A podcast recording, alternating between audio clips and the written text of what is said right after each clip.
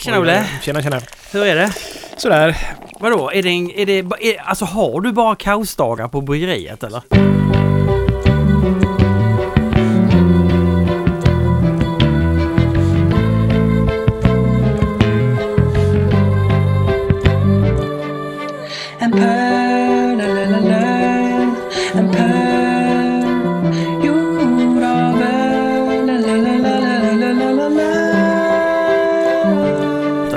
Kaosdag idag bara, men...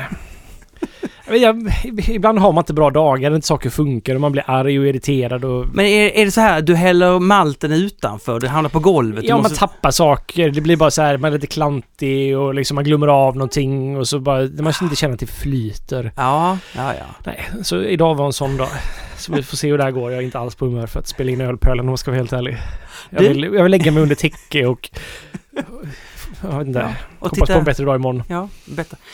Jag var ute och sprang, du sprang förbi en affär, då såg jag en tröja där det står, där det stod på tröjan Beer will solve it.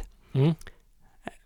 Ja, alltså ölen kommer lösa det här åt dig. Ja, menar de som att, de, det, att det är som ett lösningsmedel då? Att man... Jag tror inte det. Nej, okej. Jag tr- Jag tror det hade andra. Och då, då, då funderar jag på det här som vädran sa till mig. Nej men tar jag, dricker jag en öl nu, då kan jag inte jobba sen. För då vill jag inte. Om jag dricker en öl, då vill jag inte jobba. Varför ska jag jobba då? All motivation är borta då. Och då insåg jag, ja men beer will solve it. Det, det handlar ju om att, precis som att, vad är nirvana? Jo, du hamnar i ett tillstånd där du kan bortse från alla känslor, alla begär, frikopplad från världen, borta. Och när jag har druckit några öl, Ja, ja. Ja, då vill inte jag heller då hänger- någonting. Hänger med. Jag förstår Ja. precis. Ja. då är man helt Ja. borta. Man vill ingenting, man har ingen drivkraft. Där man bara surrar i sitt eget liksom. Nej, men man blir ju väldigt oproduktiv blir man. Ja, Mm. det...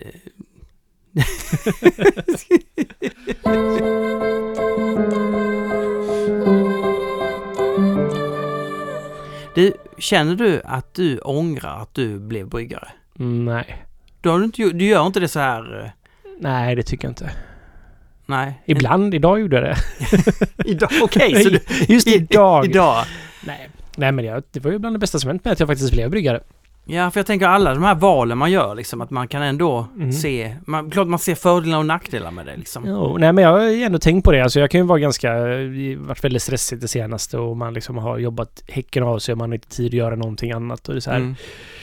Så men jag vet inte, min drivkraft är ju att jag vill skapa grejer liksom. Och det får jag Mm. lov att göra här. Jag hade nog varit väldigt frustrerad om jag bara liksom kanske haft ett helt vanligt jobb som jag hade halvgillat liksom. Och utan nu får jag skapa någonting som är helt och hållet eget liksom. Och det är, är väldigt tillfredsställande för mig. Du vet, när vi var och träffade Närke, Mm. träffade HG och Berit. Ja, jag minns det. För mig var det, det var ett väldigt betydelsefullt mö- möte. Inser jag så här efter, i efterhand så, så tycker jag det, är, det mötet var större än vad jag upplevde på plats. Utan, jag, jag, alltså nu refererar jag jättemycket till vad de har sagt Ja, och ja. deras inställning. Jag förstår faktiskt vad det är. Det tog ett tag för att smälta det lite grann nästan liksom att man... Och så liksom, jag vet inte, man gick och ältade, inte ältade, men att man gick och liksom tänkte på det ganska länge. Mycket av det de sa och mycket man kände igen sig och det var... Ja, ja det fanns en... Har du, har du, du, du din personlighet, har, du har förändrats? Som fem- hela din person är... Nej, det har jag inte gjort. Men det, jag vet inte, det, jag, det gav mig en... Det gav mig i alla fall mycket att... Mm. Mm. Jag har tänkt mycket på eh, allting runt omkring, vad man håller på med och sådär, vilken roll man spelar i det här. Ibland så, ibland så är det bara så enkelt att ja, vi, bara, vi gör ju bara öl liksom. Mm. Men sen så vi har vi ölpölen, vi gör något mer. Det finns en större sammanhang för Ja. allting liksom och ja, ibland så tänker man inte på det, ibland tänker man mer på det. Jag, jag gjorde en nu, nu gjorde jag en intervju med, med Johnny Reed. Eh, Ja, den vill jag jättegärna höra sen. alltså en, av bryggarna på, på Stigberget som eh, jag vet inte vad man ska säga. Han, han är väldigt intresserad av, av historisk öl. Han är väldigt intresserad av brittisk öl och så vidare. Men och han, han pratade om, och det gjorde, även- det gjorde även eh, Dan på, på Stigberget, som att Stigberget är ju ett produktionsbryggeri. Det är ju Mm. inget, vad, vad, det är väl bara att eh, hacka i sig. Det, vi- här produceras det. Mm.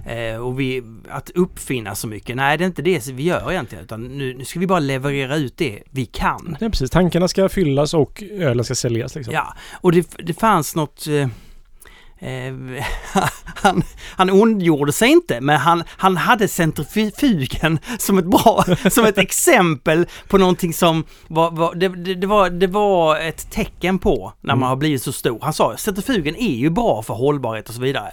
Men, ja, han, han gillar ändå den inte riktigt. Det är en modernitet som gör att någonting som man... Man har ju fått fått arbeta på andra sätt väldigt, väldigt länge och öl har ju formats efter de här sätten att arbeta. Ja. Så kommer centrifugen och bara så här...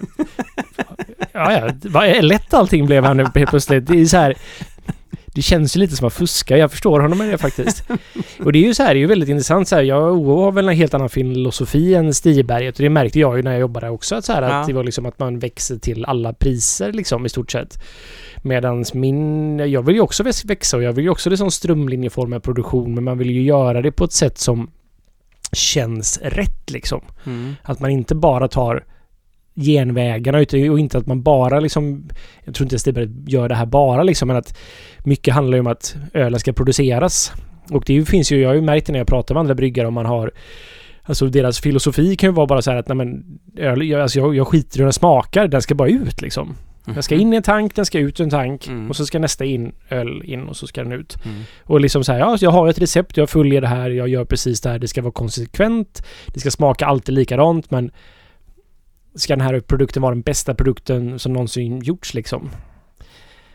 Det kanske man inte alltid tänker på utan det är, men det är två olika filosofier. Jag är mycket mer driven åt att försöka göra en produkt så absolut bra som den bara kan bli.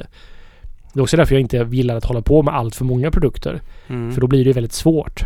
Men, men du, du tycker inte att du kommit in i det här produktionsbryggeriet riktigt än? Mer eller? och mer, men, alltså, Ja. men det handlar ju om hur man växer in i det. Och det måste ju vara ett...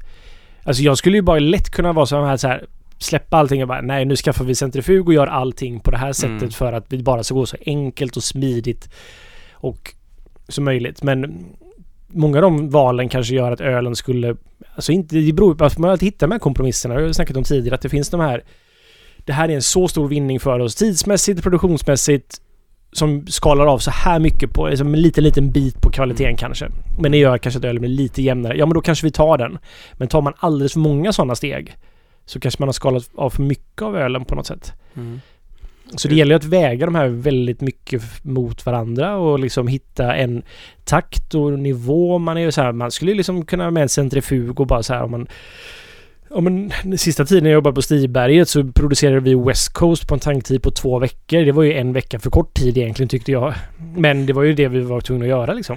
Ja, alltså återigen, det- det, ja. som, det, det, det som var på Närke, va? Där, där de kör 12 veckor i tank för pilsnern.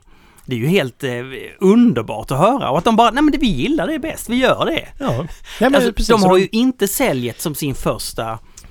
Nej precis, så de har ju inte heller alltså att det ska vara så enkelt att producera som möjligt. Utan det är Nej. så här, de vill göra öl för att den ska vara den bästa versionen av en produkt. Mm, Lite grann så tänker jag. mm. Eller åtminstone, är stor, det finns alltid saker du gör för att det ska bli enklare för dig såklart. Och det är inget Såklart. fel med det på nej, något sätt. Det är inte det nej, nej. Men det klart- finns, det finns så här en grundläggande... Som så här, det finns, måste ju finnas någon som styr en skuta på ett bryggeri som har någon så här ett övergripande ansvar. En bryggmästare till exempel som har då ett så här... Och bryggmästaren då som bestämmer de här grejerna om han är eller hon är bara produktionsinriktad. Så tänker jag att ölen kanske inte alltid blir den mest spännande ölen eller den bästa produkten. Nej. Men det kanske blir väldigt stabil och så här, Mm. smakar likadant varje gång.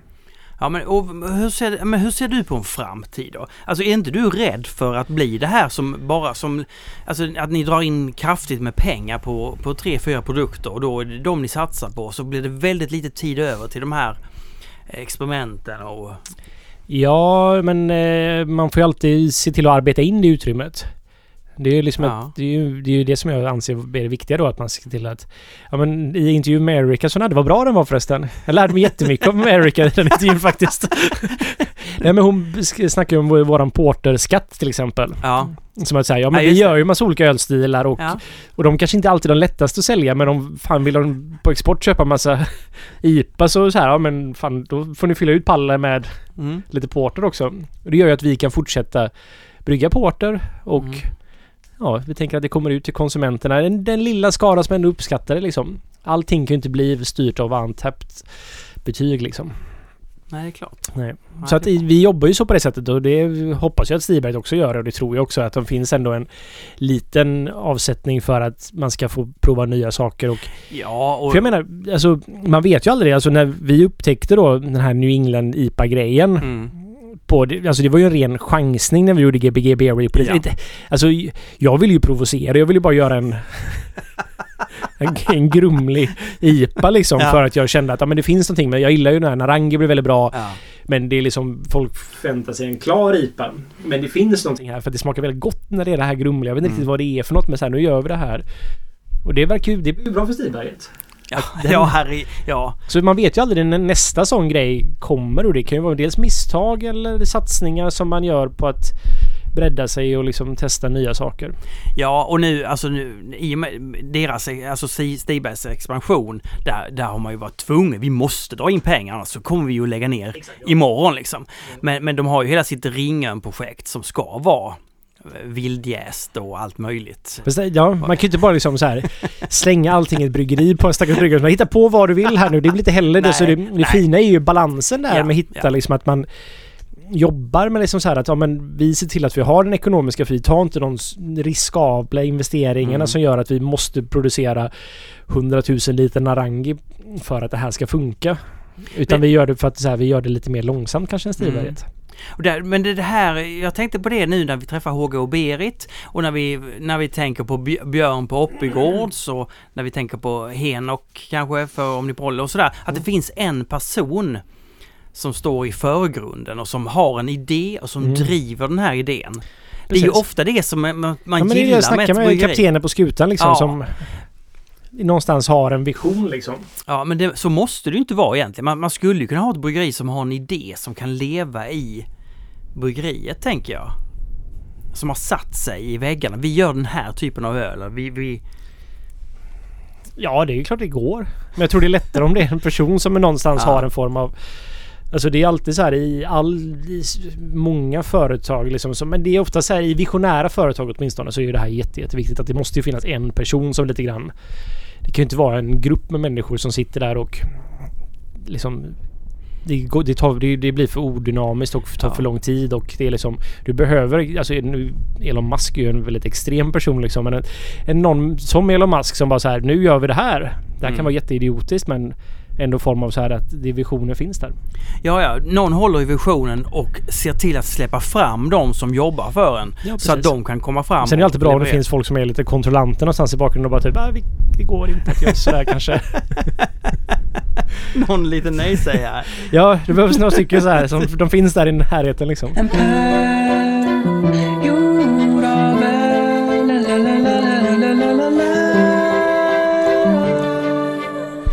Jag tyckte det var märkligt när jag gick på låt oss kalla det för semester. Då var det precis som att min hjärna bara sa "Nej, nu är det semester, nu, nu, nu vill jag ha så mycket vila. som jag- Jag sov 10 timmar. Och jag var trött hela dagarna. Varje dag såg du tio Ja, timmar. i en vecka Ja. tid sov jag 10 timmar varje dag. Man blir Var- jättetrött när man sover så mycket. Ja, jag, jag tänkte också det. Så, så där på kvällen eh, så stack jag ut och sprang. Mm. Eh, och då, då, då fick jag ju en kick av det. Och, då, sa, då sa min fru till mig så här, ja men det är kanske är bra att du inte har, har liksom gått runt på adrenalin som gör det resten av året. Det kanske inte är så bra i längden. Nej. Det är ändå gött med adrenalin tycker jag. Ja, det finns ju sån här... Jag har haft det lite senaste tiden här när man går på... eh, Liksom att man är stressad. Ja. Då är ju kroppen aktiverad. Hjärnan är ju i... Men man kraschar ju alltid någon gång. Någon gång. Alltså, det kommer ju alltid en, alltså en bakfylla på det men att man får ju väldigt mycket gjort och man ändå... Ja. Det, är- det är ju gött att vara i det modet. Min flickvän som är ändå psykolog hon kallar det för vildmarkshjärnan. När man är ute och jagar liksom alla sinnena är på helspänn liksom. Men så kan man ju inte vara hela tiden för det är ju extremt stressigt. Det är ju inte, det är inte bra. Nej. Innan vi gör det kan vi jag gå, to, ta, gå på toaletten bara? Du, eh, absolut toalettbesök. Du, vad, vad har hänt med eh, mustasch och sådär. Ska du inte jobba? Ska, ska den vara borta helt så här tycker du? Jaha, jo, den tog jag bort. Det var några veckor sedan nu faktiskt. Det gjorde jag nog precis efter att spela in tror jag. Ja, men jag vet inte, jag tröttnade på det för att ganska ofta så är det som att så här, jag kanske jobbar väldigt många långa pass och så kommer man hem och så typ man duschar inte utan man tänker att jag ska duscha imorgon bitti men man vaknar alldeles för sent och så sticker man till jobbet klockan sju och så jobbar man ytterligare en dag och är Ja. jättestressvettig och det bara rinner svett i mustaschen och man ja, testar ny öl som är grön och sådär. Så den kan börja lukta lite illa märkte jag. Så jag gick runt och var såhär, vad fan luktar jag inte illa liksom så här, Men det var mustaschen som luktade insåg jag. Så då kände jag att ja, men nu får den åka bort.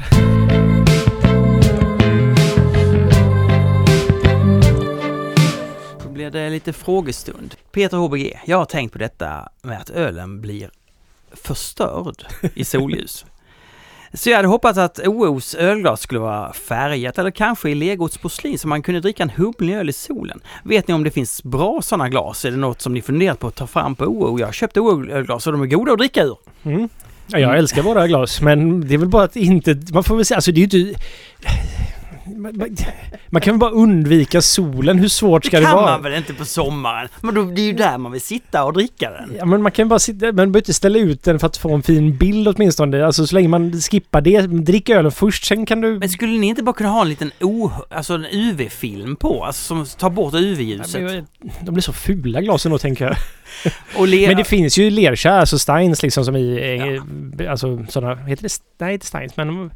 Ja men lerkärlen som man kan köpa eh, för tysk öl. Så ja, vi har tänkt eh, kanske på att ta fram något sånt någon gång. ett le- ett lerkärl. Ja. Men eh, de passar ju bättre till lager egentligen på sätt och vis. Eller det är ju det traditionella. Men det är klart det går att dricka humligt i dem också. Men så länge man bara undviker solen. Man ska inte söka upp solen med ölen i alla fall. Så kan man väl säga. Henrik Nyberg skriver Hej, tack för bra podd. Ja, tack själv. Tackar. Eh, det hade varit kul att höra lite om hur ett produktnamn på en öl kommer till. Det var ju till exempel intressant att höra om hur Ololeo blev döpt i förra avsnittet. Sitter nere på några roliga stories om hur ett specifikt öl fick sitt namn. Ja, alltså eh, namn är ju jätteviktiga tycker jag. Vi Ja. pratade lite om Porter Porter att så här. Jag, jag är jättenöjd med det namnet. Men du tycker det är själlöst. Men ja, det, nej men, ja, men alltså så här Evergreen, där hittade jag ju namnet Ja. Före jag hade gjort ölen egentligen. Ja, ja, och du ska ha talligheten och... Precis, och Mm. där kommer vi åt ju. Det finns ju en restaurang i Majorna som heter Evergreen som Ja. ligger på Kaptensgatan som är precis ja, där Stibergs gamla bryggeri låg. Där var vi åt då den här rätten kyckling och oljor. Eller, man äter inte där för det är det deppigaste stället man kan äta på för att det är det är misär där. Det är så mycket Jack Vegas och det är liksom fullt slagsmål där till och från och det är Ja. Det är, man försöker vara där så lite som möjligt men deras rätt kyckling och oljeregn är fantastiskt så man liksom tar med den till bryggeriet och det åt vi ofta. Så jag tänkte men Evergreen är ett väldigt fint namn. Mm. Och det är liksom, det är ju städsegrönska på svenska. Alltså allting som inte tappar sina blad på vintern är ju evergreen-växter. Alltså tall då, och cypresser och Ja. den typen av grejer. Mm. Så då kom jag, men det, det är ju fint så här för jag vill ju göra en tallipa också så här. Det är ett perfekt namn på det. Men då, då, då, liksom, då, gjorde jag ölen efter att jag kom på att jag skulle ha namnet Evergreen. Ja. Stämmer det att eh, West Coast IPAns mås är den måsen som är, är uppe på eh, hyreshuset mittemot eh, Kino? Mm, nej. Men, eller... jag vet inte alltså. Jag kom på namnet West Coast. Ja. Men det var ju för att vi gjorde en West Coast IPA. det var ju det mest ofanta. ja, ja. Och så, Och det var ju bara så här, det var ju en av de första ölen jag fick göra på Stiberget och då var det som så här, för det fanns ju Elefant-IPan som var Ja. en extremt maltig IPA som jag, den var ju inte dålig på något sätt men det var inte riktigt vad jag kände så här, men det här är inte riktigt vad man tänker på när det här är en IPA liksom. Det här är ju Nej. verkligen den var ju med jättemycket mörk karamellmalt så den hade ju så här en fruktighet och så här torkad frukt och grejer och mycket Simcoe och sådär. Men det var, det var ju gott men det var inte riktigt vad jag kallade det som en så här fräsch IPA liksom så här i västkuststil. mm. Så då gjorde jag foto västkust-IPan och då var det som att säga, vad ska vi kalla den? Så här, men det är ju en västkust-IPA. Så tänkte vi först att vi kanske kan ha väst, att den heter västkust. Men då har ju Oceanbryggeriet har en, har en öl som heter västkust. Så det blev nog bara West Coast och sen så gjorde väl Neil en tavla till det som var en mås och det får du faktiskt fråga Neil om var han fick måsen ifrån. Ah, jag trodde det var den här måsen. Det säger jag till alla. Ja, men alltså jag var ju medveten om måsen mitt emot Ja. för den då hon damen som matar den här måsen ja. högt upp i ett, ja. Sen försvann hon ett tag men sen kom hon tillbaks tror jag. Alltså, Förra veckan var måsen där, stod där vid fö- fönstret. Erik verkligen, men du har ju den här måsen varit där hur många år som helst. Det måste ju vara nya måsar tänker jag. Ja, det måste det ju vara faktiskt. Ja. Ja, Ja. men det var liksom så här, i, sen blev ju West Coast en New England IPA med tiden. Ja. Eller ganska snabbt om man ska vara helt ärlig egentligen för att vi upptäckte ju att det var gott att göra ölen sådär. Så att det blev ju liksom en, eh, vad kallar man det när man, en motsägelse i sig själv nästan liksom. Mm. Det blev som ett skämt fast det var inte tanken från början, det bara blev så. Och, och nu är det bara lite svårbegripligt. Ja, Det, det, den är ju väldigt svår att sälja utomlands för de fattar ju inte riktigt. Den är inte, alltså Amazing Haze då är ju mycket Mm. lättare att sälja. Såklart.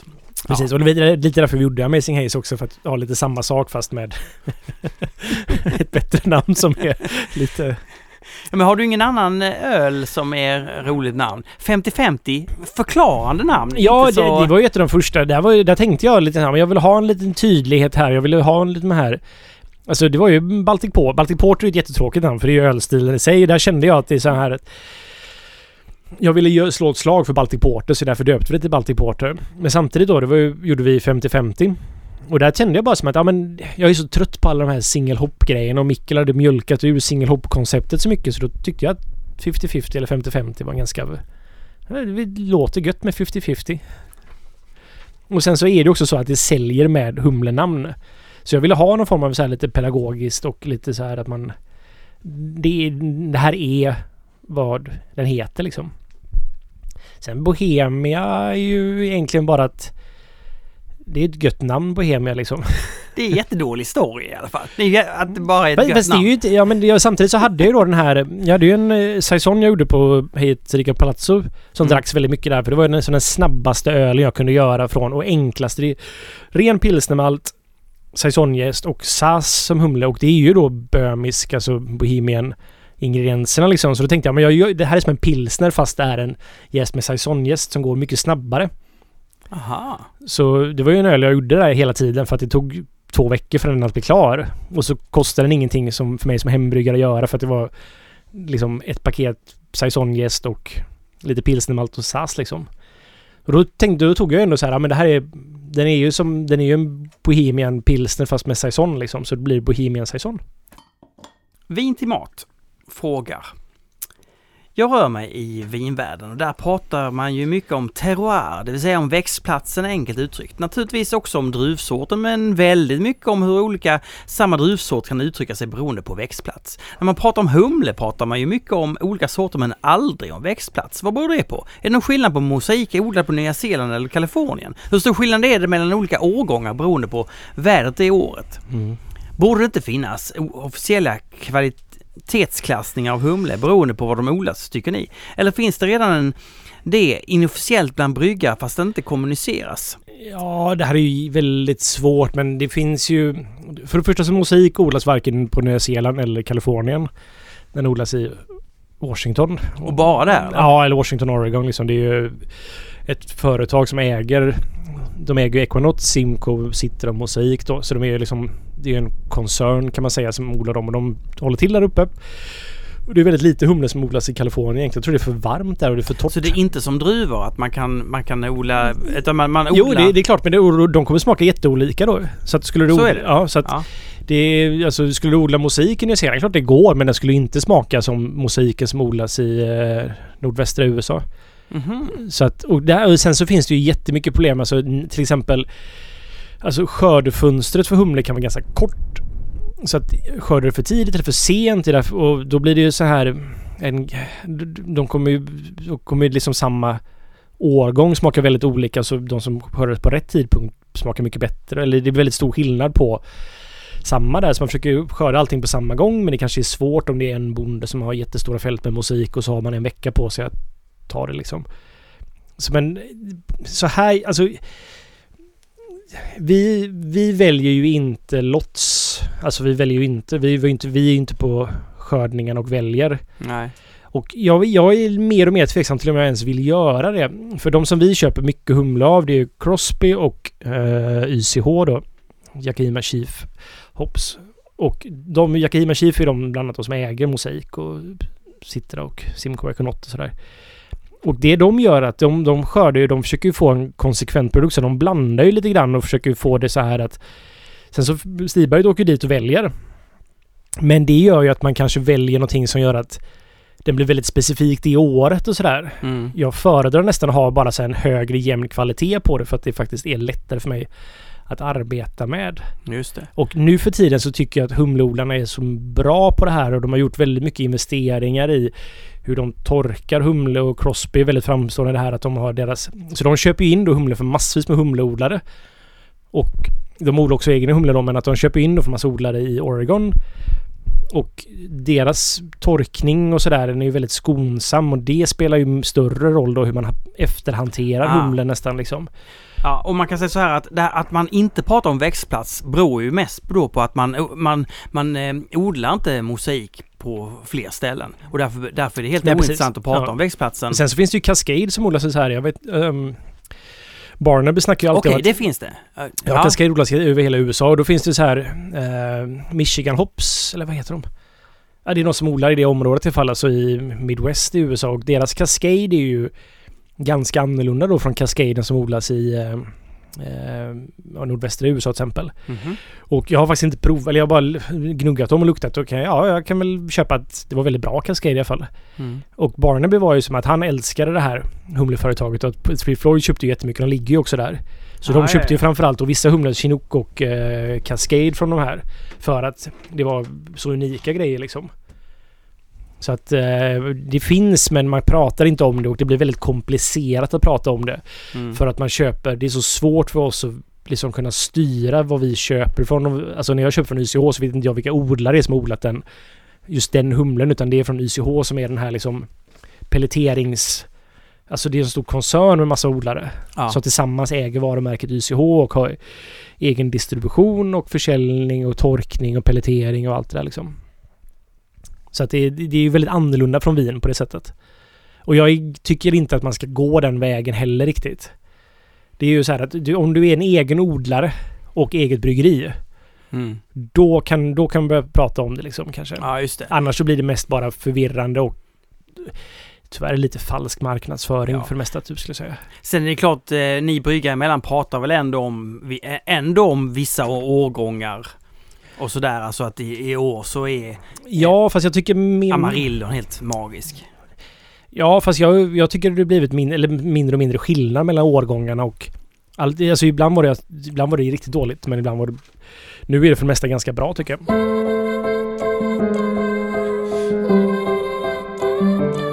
Gunvalls bryggeri. Mm. Har du varit där eller? Nej, det har inte varit. Inte jag heller. Jag vill bara hävda att det är mycket bra ljud i podden. Bättre än i de andra poddarna som jag följer. Det är de små detaljerna som gör det. Mm. Ja, men det är ju jättebra ljud den här. Visst är det Ja. Alltså då kan vi, om vi tittar på de här mikrofonerna Mm. så är det alltså Advanced Audio som gör dem. Okej. Har jag berättat om den här snubben? Alltså du har ju pratat om mikrofonerna massvis med gånger. men om du pratat om snubben vet jag inte. Jag har inte lyssnat så noga tror jag. Nej, men, det är pratar om- snubben som bygger dem och som bygger dem så att de är exakt som... Eh, det, det är alltså egentligen en kopia. Men han, han menar bara att det är enkelt att bygga sådana mikrofoner om man vet vad man gör. Ah, Han vet vad han gör. Eh, Ja, så här är en, det är en gammal mikrofon som han är inspirerad av. Så Ja. han, ah, då är Det här är AKG 414-micken. Och den här heter då CM 414 Okej. Advanced Audio. 414 är bra. Det är Majornas postnummer. Ja, det är det i och för sig. Nej, och det, den här kostar fem, fem loppor att köpa. Oh! Men eh, jag skulle gissa att AKG ska gå på en 25-35. Och ännu mer om du ska ha original. Okej, okej, så man betalar mycket för AKGs varumärke där liksom när det finns då Advanced Audio? Ja, Ja, okej. audio. Mm. Audio. Audio. Audio. Ja. Nej, jag vet inte. Eh, 68th Floor Brewery. Mm. Har väl varit med oss sedan starten va? Vet inte. Tror du inte jag det? känner igen det men... jag- ja, ja, jag tror att... Eh, men det är lite som eh, My Dog Morris. Ja. Det är också från sen starten. När Han känns var också i- bekant I faktiskt. det Ja. Gula lilla sångbåset som vi Ja. var i då. Hur som helst. Jag skulle vilja veta mer om High Gravity Brewing. Alltså att man brygger stark vört och späder med vatten för att få ut mer volym när man brygger. Känns som att det borde vara aktuellt just nu när det är så många bryggerier som brygger folköl. Hittar inte så mycket info om det på nätet så lite tips skulle uppskattas. Ja, men när vi brygger folköl så gör vi faktiskt High Gravity Brewing eller vad man ska kalla det. What? Eller, det är inte... Ni bara häller på vatten? Ja, för att Spädes? vi spär ut det. Ja, Nej, men eh, vi gör ju det. Alltså, vårt bryggverk är anpassat. Vi, vi beställde ett bryggverk så att vi fick ett bryggverk som normalstyrkan då är ungefär 16 plator, 15-16 plator. mm. Ett vanligt bryggverk i standardutförande brukar ofta komma som 12 plator i utförande som Aha. standard.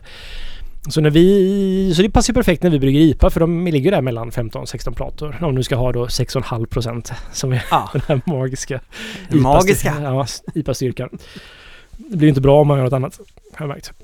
Men ehm, det gör ju då att vi har en bred mäsk och lakpanna liksom. Mm. Så att vi... Den är bredare än vad den varit eh, om den varit för 12 plator då liksom. Så det gör ju att när vi har väldigt lite malt som man har då när man brygger en 3-5 så blir det väldigt tunn maltbädd. Vilket kan vara svårt för... Ja, om det är för tunt så blir det svårt med filtreringen och sådana saker. Och jag har väl bara ansett att det är typ... Jag föredrar att inte spä ut men när vi gör de här lite lägre ölen då så... För om jag lakar upp då den volymen jag behöver ha med den styrkan Mm. så kanske jag överlakar lite grann att man får ut lite för mycket tanniner och sådana saker. Aha. Så de här sista 500 literna då så jag, känner jag väl att det kanske bara är bättre att tillsätta vatten istället för då väldigt utspädd vört då. Där, alltså de sista glattvattnet liksom som blir kanske av sämre kvalitet än vad vanligt vatten då skulle vara. Du får, så, Ja, då, ja, Då, då, så när vi brygger folkölen så använder jag faktiskt, eh, då brygger jag lite starkare och sen spär ut med vatten istället för att bara laka upp allting liksom. Och tror du att de flesta gör på det här sättet? Eh, jag vet inte. Det beror på...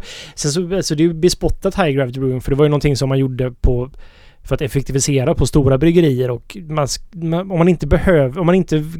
Vi gör ju det för att vi tror att det blir en kvalitetsvinning när vi gör det här fallet Mm. men jag skulle inte göra det för en IPA till exempel. Nej. Det känns meningslöst. Mm. Så, ja men... Ja, oftast pratar man ju High Gravity Ja. Brewing som att man kanske eh, typ hade så här, vi har två recept vi brygger och så blandar vi dessa och spär ut med vatten. Och sen så, jag skulle nog inte heller spä ut efter jäsning liksom. Utan Nej. jag spär ut det då i... Ah. Eh, Alltså jag spär ut innan kok helt enkelt. Ja, ja. Ja. Inte när ölen är färdig. Nej. Då späder du inte ut Nej, precis. Hembryggeriet Sangsvanen. Mm. Det skulle vara intressant att höra vad Olle tänker om ekologiska råvaror och ekologisk öl. Skiljer det sig mycket i pris, kvalitet? Vet han Vet att han nämnt det i förbifarten för något år sedan när Stibergs bryggde någon öl som var ekologisk, tror det var deras pilsner. Det känns som att de stora bryggerierna har ett större ekologiskt utbud. Och hos hantverksbryggerierna så finns det ibland några enstaka ekologiska öl. Om det inte är ett bryggeri som är helt inriktat på ekologisk öl. Mm. Jaha, är det så? Alltså först och främst, ja det är lite dyrare med ekologiska ingredienser. Malten är lite dyrare, humlen är lite dyrare. Och sen så jag kan ju tycka att det har varit lite svårt att hitta bra humle i ekologisk faktiskt. Det tror jag mest har med att det bara är... Ja, det är nog lite svårare att odla och jag tror inte det är en så stor bov egentligen i sammanhanget. Så det, men på Stiberg gjorde vi pilsner ekologiskt ett tag och Eco Pale Ale hade vi också där som var ekologisk. Men då gjorde vi ju öl som vi kände att... För vi kunde få tag i bra pilsner med allt ekologiskt. Vi kunde få tag i bra SAS ekologisk. Så då gjorde vi pilsner ekologiskt för att där kände vi inte att det blev någon form av kvalitetsnedgång riktigt på det. Mm. det ja, sen så märkte vi att det är ju större variation på malten Jaha. ekologiskt. Det, det, det var det. Eh, ibland blev den lite för grumlig och det var svårt att laka och sådana saker. Mm. Men sen så med humle så är det ju ett problem. Så det, är jag skulle säga att det är svårt att göra typ New England-IPor med ekologisk humle. Malten går ju lösa men inte humlen riktigt på det sättet. Och jag kan bli lite irriterad när vissa bryggerier kallar sig ekologiska men får dispens då för humlen. Va? Ja. det är väldigt vanligt då så att man, man kan få dispens då på ingredienser. Och så får man- får dispens på alla. Vattnet, det är ekologiskt. Ja exakt, nej, alltså, nästan, så då blir det lite fånigt om bara malten är ekologisk. Och så kallar man ölen en, en IPA för Ja. ekologisk IPA liksom. Här, men, men stämmer det att, de här, att stö, större bryggerier har mer ekologiskt utbud? Kanske det är, så är det. Ja, det, det, det Men varför kan de göra det då? Eller, Ja, för de har ju oftast väldigt enkla råvaror och de kanske inte är så kvalitetsmedvetna som mindre Oh. bryggerier är. aj, aj, aj. Ja, men eh, sen så, vi ska faktiskt göra, jag ska göra Bohemia nu, så jag håller på i processen att bli ekologiskt bryggeri eller certifierad för det. Så då, men då tar jag ju en öl som Bohemia, det vet jag att jag kan få tag i bra SAS ekologisk, jag kan få tag i bra pilsnermalt, det är ju de enda två ingredienserna i det. All jäst vi har är faktiskt ekologiskt. Ja. Ja, så att det... Nej men så jag gör gärna ekologisk öl om jag känner att jag kan göra den på ett bra och ärligt sätt. Men du brinner inte för det ek- ekologiska då? Brinner och brinner Du men jag- skiter i det? Nej, det gör jag inte alls det. Jag tycker det är bra och viktigt att man ska pusha på det. Men Ja. jag tycker också att man inte ska kompromissa med produkten då heller, utan man kanske väljer de produkterna. Så jag hade gärna gjort ekologisk saison tror jag skulle vara ganska enkelt att göra liksom sådär och jag ska väl... Först nu ska vi certifiera så ska vi börja titta lite på mer humle. Det finns, jätte, ja, det finns en hel region, Poppering-regionen i Belgien som odlar ekologisk humle. Som jag tror skulle funka bra för Mm. saisons och sådana saker. Okej, du är inte helt negativ där. Nej. Eh, Då säger ju Flockboy. Mm. Jag har märkt att många amerikanska bryggerier fyller sina burkar med öl ända upp till toppen innan den försluts. Detta har jag aldrig upplevt från svenska bryggerier. Om jag får killgissa lite bör risken för oxidation öka med en större luftficka i burken. Tankar? Ja, ganska mycket faktiskt. Jag har pratat mycket med Olof på Carmen om detta. Ja. Och vi kan ju skicka videos till varandra och bara så här, vad fan håller de på med här från amerikanska bryggerier som inte har den här skumkronan? Cap on foam som det heter. Precis. Ja. Utan det är bara så här, det är liksom en... Det är bara vätska som kommer ut och så är det hela vägen upp och så... Det är inte bra för syre. Det är dåligt för syren om du vill ha en ett utbrytning av koldioxid så att du puttar ut lite öl som sen skrapas bort i stort sett. För det är ju det lagret som får... Vad, men, vad menar du att de, de fyller upp med, med vätska hela vägen upp till toppen? Ja, och det är ju inget skum liksom. Aha. Så Ja. skummet skyddar menar du? Ja, precis. Så att jag, jag är oftast ganska tveksam till när jag ser videos från amerikanska bryggerier när det är så. Så att jag tror det är sämre faktiskt. Och jag vet faktiskt inte riktigt vad det beror på. Om det är någon sån här form av... För jag kan ju se till honom att kolla på kommentarerna för att det är ju många som oftast påpekar att så här, så här ska ni inte burka öl. Det här är dumt. Okej. Ja. Ah. Så att, men sen så tror jag man oftast an, man jobbar med lite lägre vol, kolsyrevolymer i USA och man... Det finns också en grej som är... Det är inte lika vanligt eller så här stort idag som... Men våra tankar är oftast klassade till ehm, eh, två bar i Mm. Europa. Två, tre bar är väldigt vanligt liksom. Och det är liksom inga problem att få dem klassade då, säkerhetsklassade till... I USA har man helt andra regler för detta som är ganska Jaha. mycket hårdare så att det är svårt. Det krävs så mycket för att få dem klassade mer än en bar.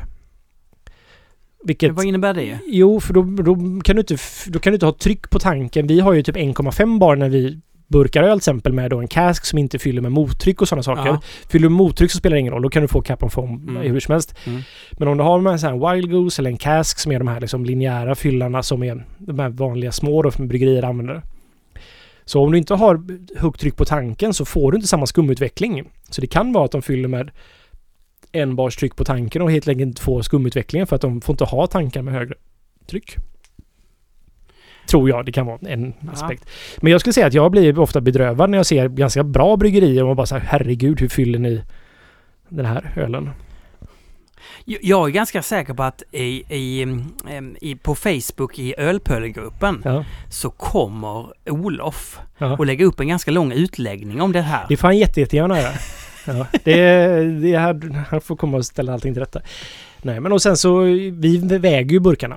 Så vi har ju ett toleransband då så att vi, det är liksom Ofta så skulle nog säga att vi fyller lite för mer än vad man ska göra i ölen än vad Mm. man egentligen ska. Zreko. Hur gör ni med eh, PB och OG? Mm. Alltså pre-boil och original gravity. Hört många bryggerier som kokar längre för att komma till rätt OG. På bryggeriet där jag jobbar så följer vi preboil med lakningen. Ser själv lite problem med längre kok men intressant vad ni tycker om detta. Mm. Längre kok, vad, vad betyder det? Ja, alltså pre-boil är ju då alltså styrkan på vörten innan kok. Och OG är ju styrkan på vörten efter kok. Det som går in i jästanken, det som gästen kommer arbeta med och det som kommer bestämma hur stark ölen blir. Tillsammans med gästens utjäsningsgrad. Och man siktar ju då på ett OG-värde på Mm. ett recept. Den Ja. här ölen ska ha det här OG-värdet. För, va, och för, varför då? För att då blir det... För då blir den ju... Alltså det är ju det, det är det enda sättet vi kan styra hur stark en öl Ja, okej. Så att en, Mm. om vi har en IPA då som ska vara 6,5% så brukar Ja. vi sikta på 16 Plato. Sen så gästen då ges ju ut då med 75-80% oftast. Kanske någonstans där någonstans. Så det kommer ju variera lite. Ja. Hur som helst liksom därför att utjäsningen kan variera mellan batch av gäst och skördning och sådana saker. Eh, men det som är preboil då är ju att man pre, man kokar, vi kokar bort 100. Om vi samlar upp 3000 liter så kokar vi bort 100 liter. Det gör ju att sockret koncentrerats i vätskan för att man har kokat bort vatten från den. Man har reducerat helt enkelt.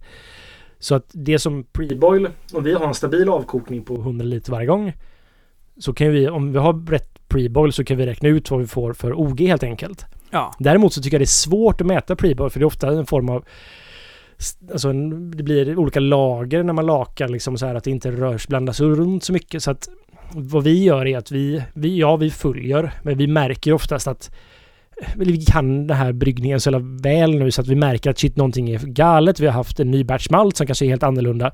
Då kan vi korrigera lite med att kanske samla upp lite mindre, samla upp lite mer. Ibland koka en halvtimme extra för att...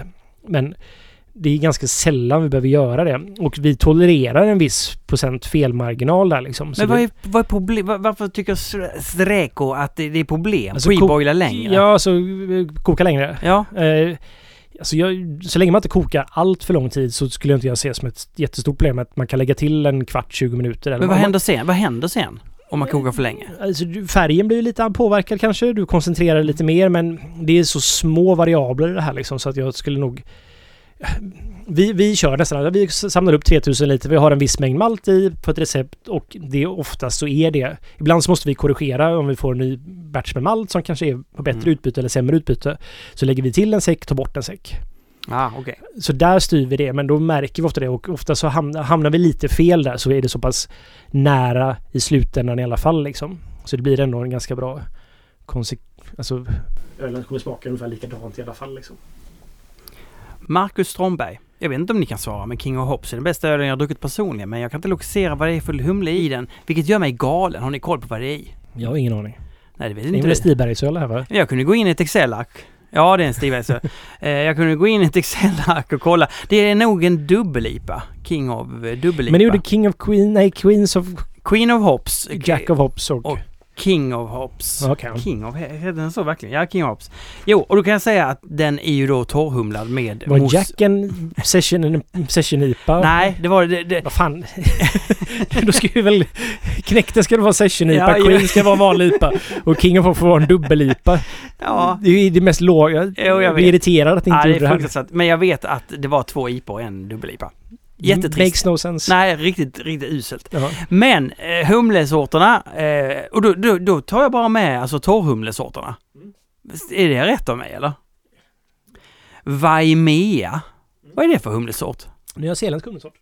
Och mosaik. Det, Ja. Den känner vi till. Den För det är ju världens bästa humle. humle. Men Vaimea, har du använt den någon? Eh, jag har använt det lite grann för länge sedan men jag har aldrig varit mm, så nöjd med kvaliteten på den så att jag kan inte riktigt uttala mig om den är bra eller dålig. Ja, kolla jag har hela seller-loggen här. Oj, får jag kolla? Ja, ja, visst. Man kan se vem som har gjort vad. Mm. Olle tittar spänt på hur det här går till. Nagelfar dokumentet. Mm. Ja, intressant. Mm. Ja. Mm.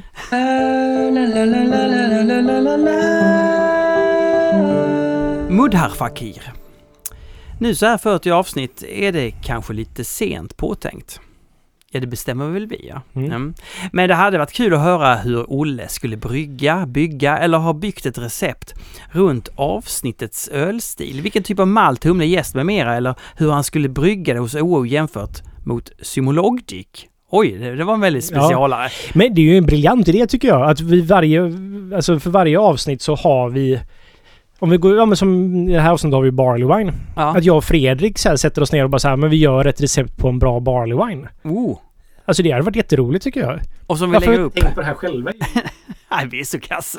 Det- är en jätterolig grej att man skulle kunna Ja. faktiskt göra. Det kanske inte funkar på allting men på mycket skulle det funka ändå. Eh, Men eh, kommer du göra en... Eh, kommer du göra en barley wine nu eller kommer du vänta till nästa avsnitt? Så du slipper göra det till den här? Nej, det blir för sent att göra- det till det här avsnittet tänker jag. Men nästa öl som vi har kanske vi kan eh, Oh, hitta på någonting. Ja, vi får kolla med Fredrik om han tycker det här är en bra idé tycker jag. Ska han? Ja. Ja, men jag vill göra det med Fredrik så att det blir någon form av lite hembryggaranpassat också kanske. Men det var roligt om så bryggde folk detta så när vi har de här hembryggaravsnitten kan ju folk skicka in de här och så kan man ju se Mm. hur olika interaktioners eller olika personers hembryggningar smakar mot varandra. Jag fattade aldrig riktigt det där med OO kontra Symologic. Ehm, Vill- Tycker han vi ska brygga en varje gång? eller hur han skulle brygga det hos OO jämfört mot Symologic. Han kanske ser det som två otroligt olika varumärken. Ja men det är det också. Ja men jag skulle ju tänka förmodligen, alltså om jag har en idé som jag vet att den öl det här vill jag göra många gånger. Ja. Eller jag vill göra, det här är en öl vi vill ha i vårt... Det är mer Fan. seriöst då liksom. Precis, men Ja. lite. Mm. Då skulle jag... Hej då! Tack själv! Då skulle jag göra det med OO. Ja. Och förmodligen ha en resa med den, att man tweakar receptet men att... Ha, alltså ibland så, ja men till exempel vi har ju Nova nu. Mm. Och vi gjorde ju en West Coast-IPA med Symologic som är lite av en form av... Är det här ett bra spår? Ah. Med den här typen av malt och den här typen av humling. Ja. Och så fanns vissa grejer som jag tyckte var bra där och så då är ju den... Tog jag med det som var bra till Nova liksom. Så att... Så funkar ju Symologic kontra OO liksom. Nova är ett fint namn tycker jag. Det är fint ja. Gunvalls bryggeri. Igen nu.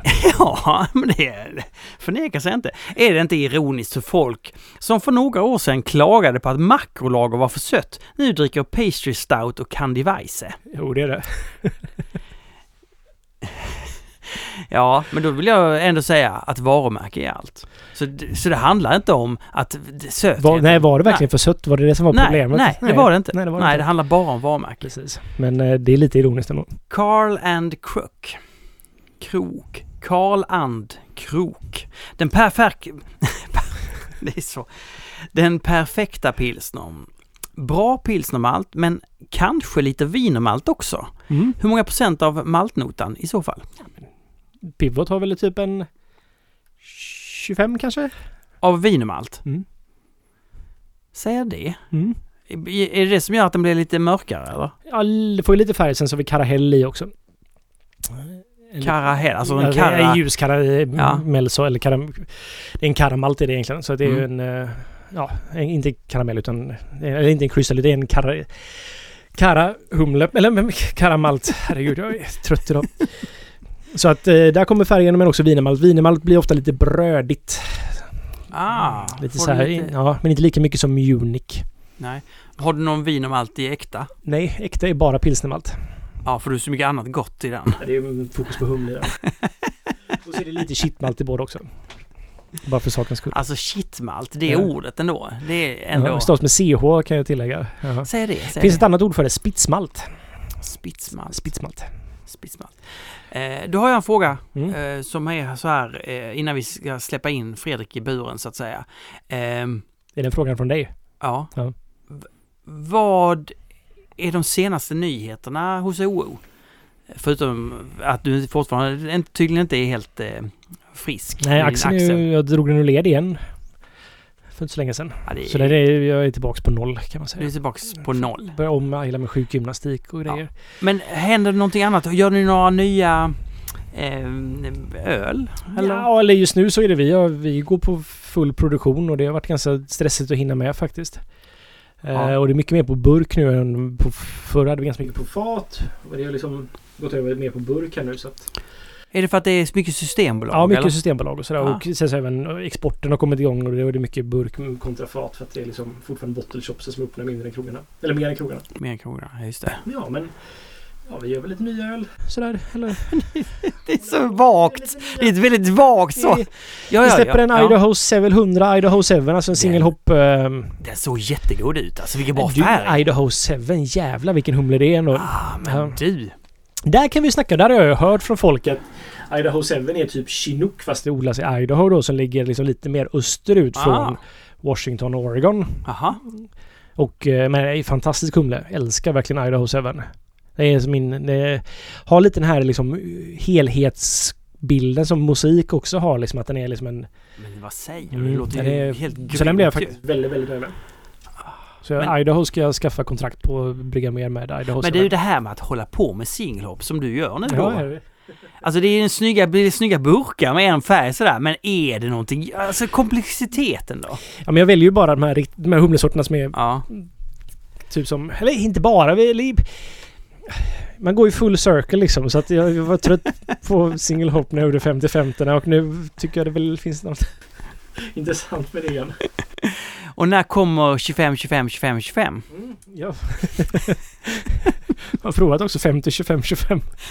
Och sådär. Nej men eh, ja, vi, vi, får, vi får väl se hur fantasilösa vi blir i framtiden. Jag tänker gärna att man kan dubbellipa 100-100. Konstigt. Ja, Ja.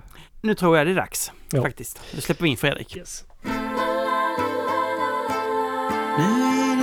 Dags för Fredrik att komma in och rädda hela skiten. Vad roligt Fredrik att du är här. Ja, roligt att vara här. Kommer in och räddar. Du, du ser väldigt så här solig ut. Ja, jag har varit utomhus lite grann. Ja, Jag har semester. du har semester. Mm. Och vad gör du på din semester? Eh, Det är faktiskt har varit en del så här ölrelaterat då. Den här boken om svensk ölkultur har vi eh, rest runt lite och intervjuat folk och Mm. bryggerier. Och vilka har du varit och Mm. intervjuat då? Vi träffade, Och varför fick inte vi följa med? ja men vi, ni ska ju följa med på de besöken vi har sagt att vi, ni ska följa med på, som är hemligt än så länge va? Det säger vi inte vad det är. Superhemligt. Ja, Mm. vi, vi var uppe i Stockholm och träffade eh, ett par krögare Jugge och Stene och pratade med dem. Mm. Sen så träffade vi Håkan Lundgren och Mick Nordapera Mm. som eh, grundade Svenska Ölfrämjandet och Ja. Svenska Hembryggarföreningen. Och så. Eh, jätteintressant och roligt och spännande. Och så här. Man fattade saker som, man fick reda på saker som jag inte visste. Eh, om att eh, på 80-talet, det här är ju liksom så tidigt så jag har inte riktigt varit så intresserad av 80-talets ölkultur. För man visste bara att den var dålig i Sverige. Men det var tydligen ganska stor överhängande risk och diskussioner också om att förstatliga hela bryggerinäringen i Sverige på 80-talet. Oj. För Prips, hade ju, Prips var ju statligt och hade en stor del av marknaden och det fanns bara fem, sex, sju bryggerier. Och det, det var sådana seriösa diskussioner om att man skulle förstatliga det. Det fanns ju inget ölintresse överhuvudtaget och ölkulturen var nere på så, sån låg nivå.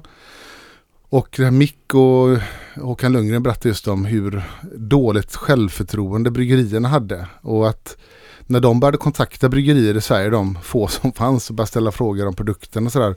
Då blev brygg, det- blev, de blev så här nervösa för det var ingen som visste någonting om öl. Det var bara bryggmästaren då som brydde sig om ölen. Resten var ju bara säljare och Mm. öl var ju en stapelvara liksom. Mm. Och hur nära det var att det här blev bara en, ett statligt företag som gjorde, gjorde öl. Mm.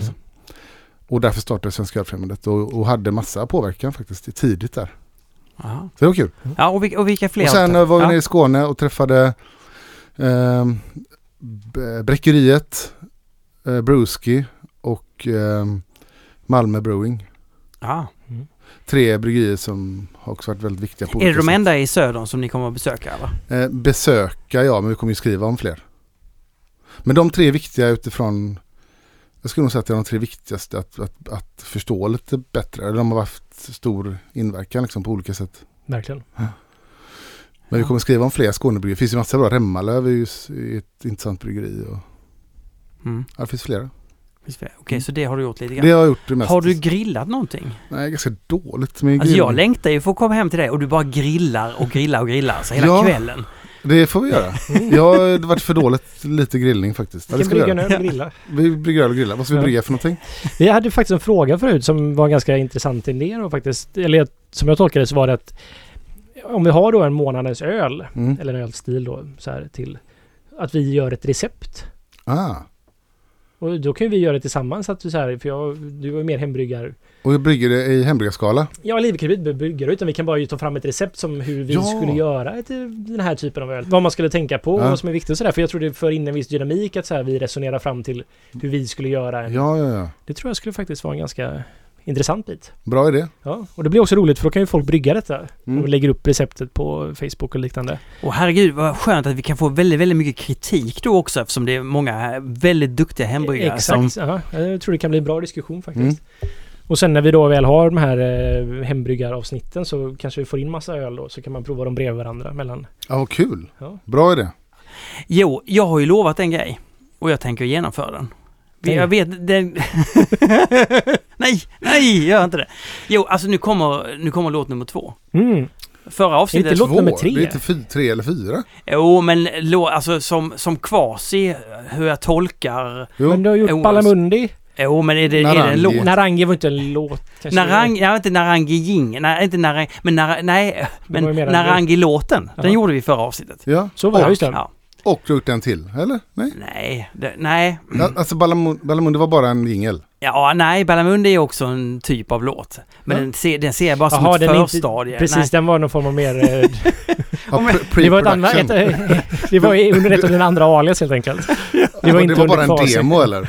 nej, det var inte bara... Det, nej, det var nog bara att jag gav ut mig på ett djupt vatten och såg var det bar.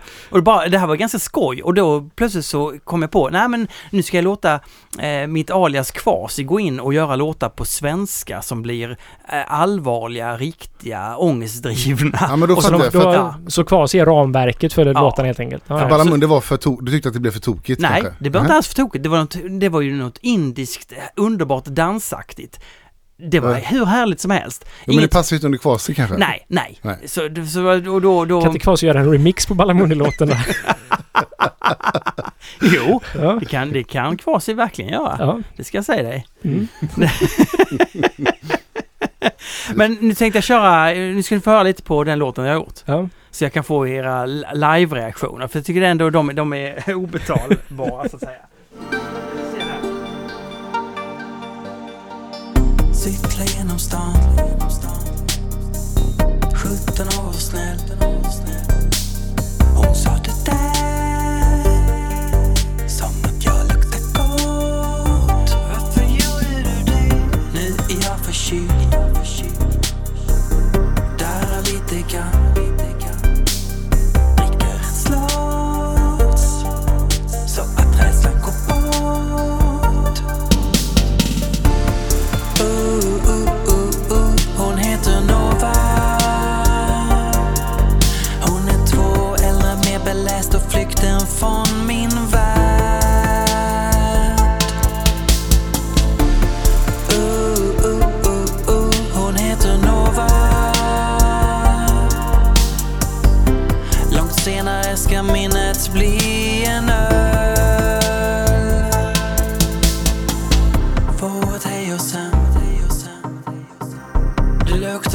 min vän Kanske ska vi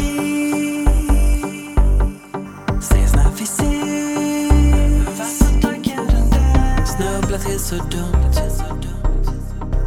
Förlåt så jag direkt Alltså jag försöker jobba med, med kraftig bas. Det är modernt. det. Mm. Okej. Eh, jag försöker jobba med rytm också. Eh, jag, vill, jag vill ta fram rytm framför, och istället för det här, ni vet alla de här eh, idiotmusikerna som Lundell och som, eh, alltså, och så, vidare. men som inte jobbar med rytm på ett intressant sätt. Så som K jobbar med rytm, Eric Gadd och Prince, Ja.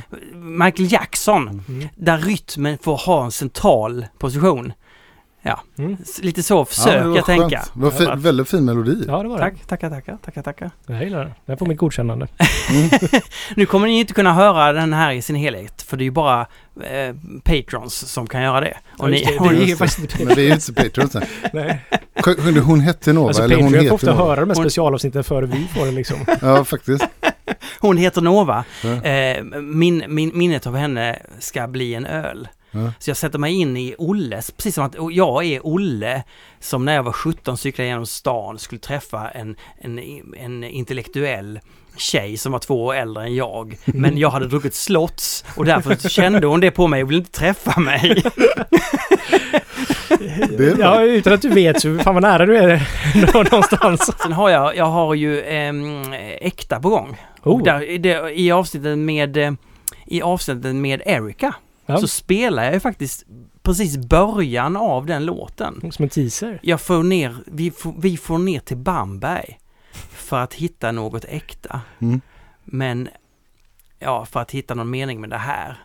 Eh, men allt vi fann var hantverk. Ooh. Ooh. Ooh.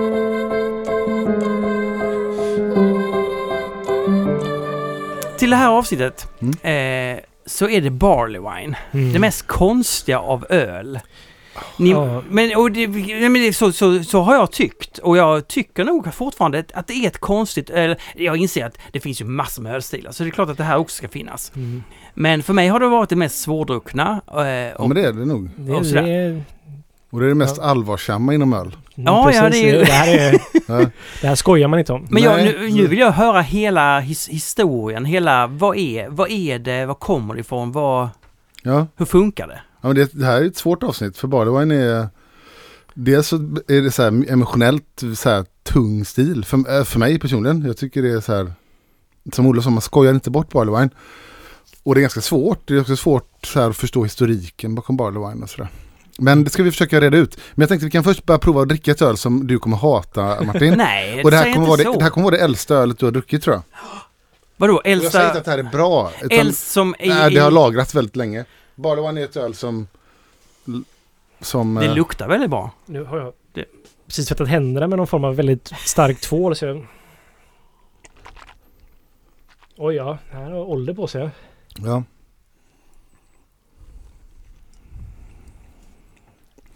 Alltså man får ju mycket druvkänsla när jag dricker det här. Alltså Mm. det här, det här med wine-delen av ordet, bara, orden barley wine. ja, den är vinös absolut. verkligen. Lite, Sy, lite kylig. lätt syra också. Precis.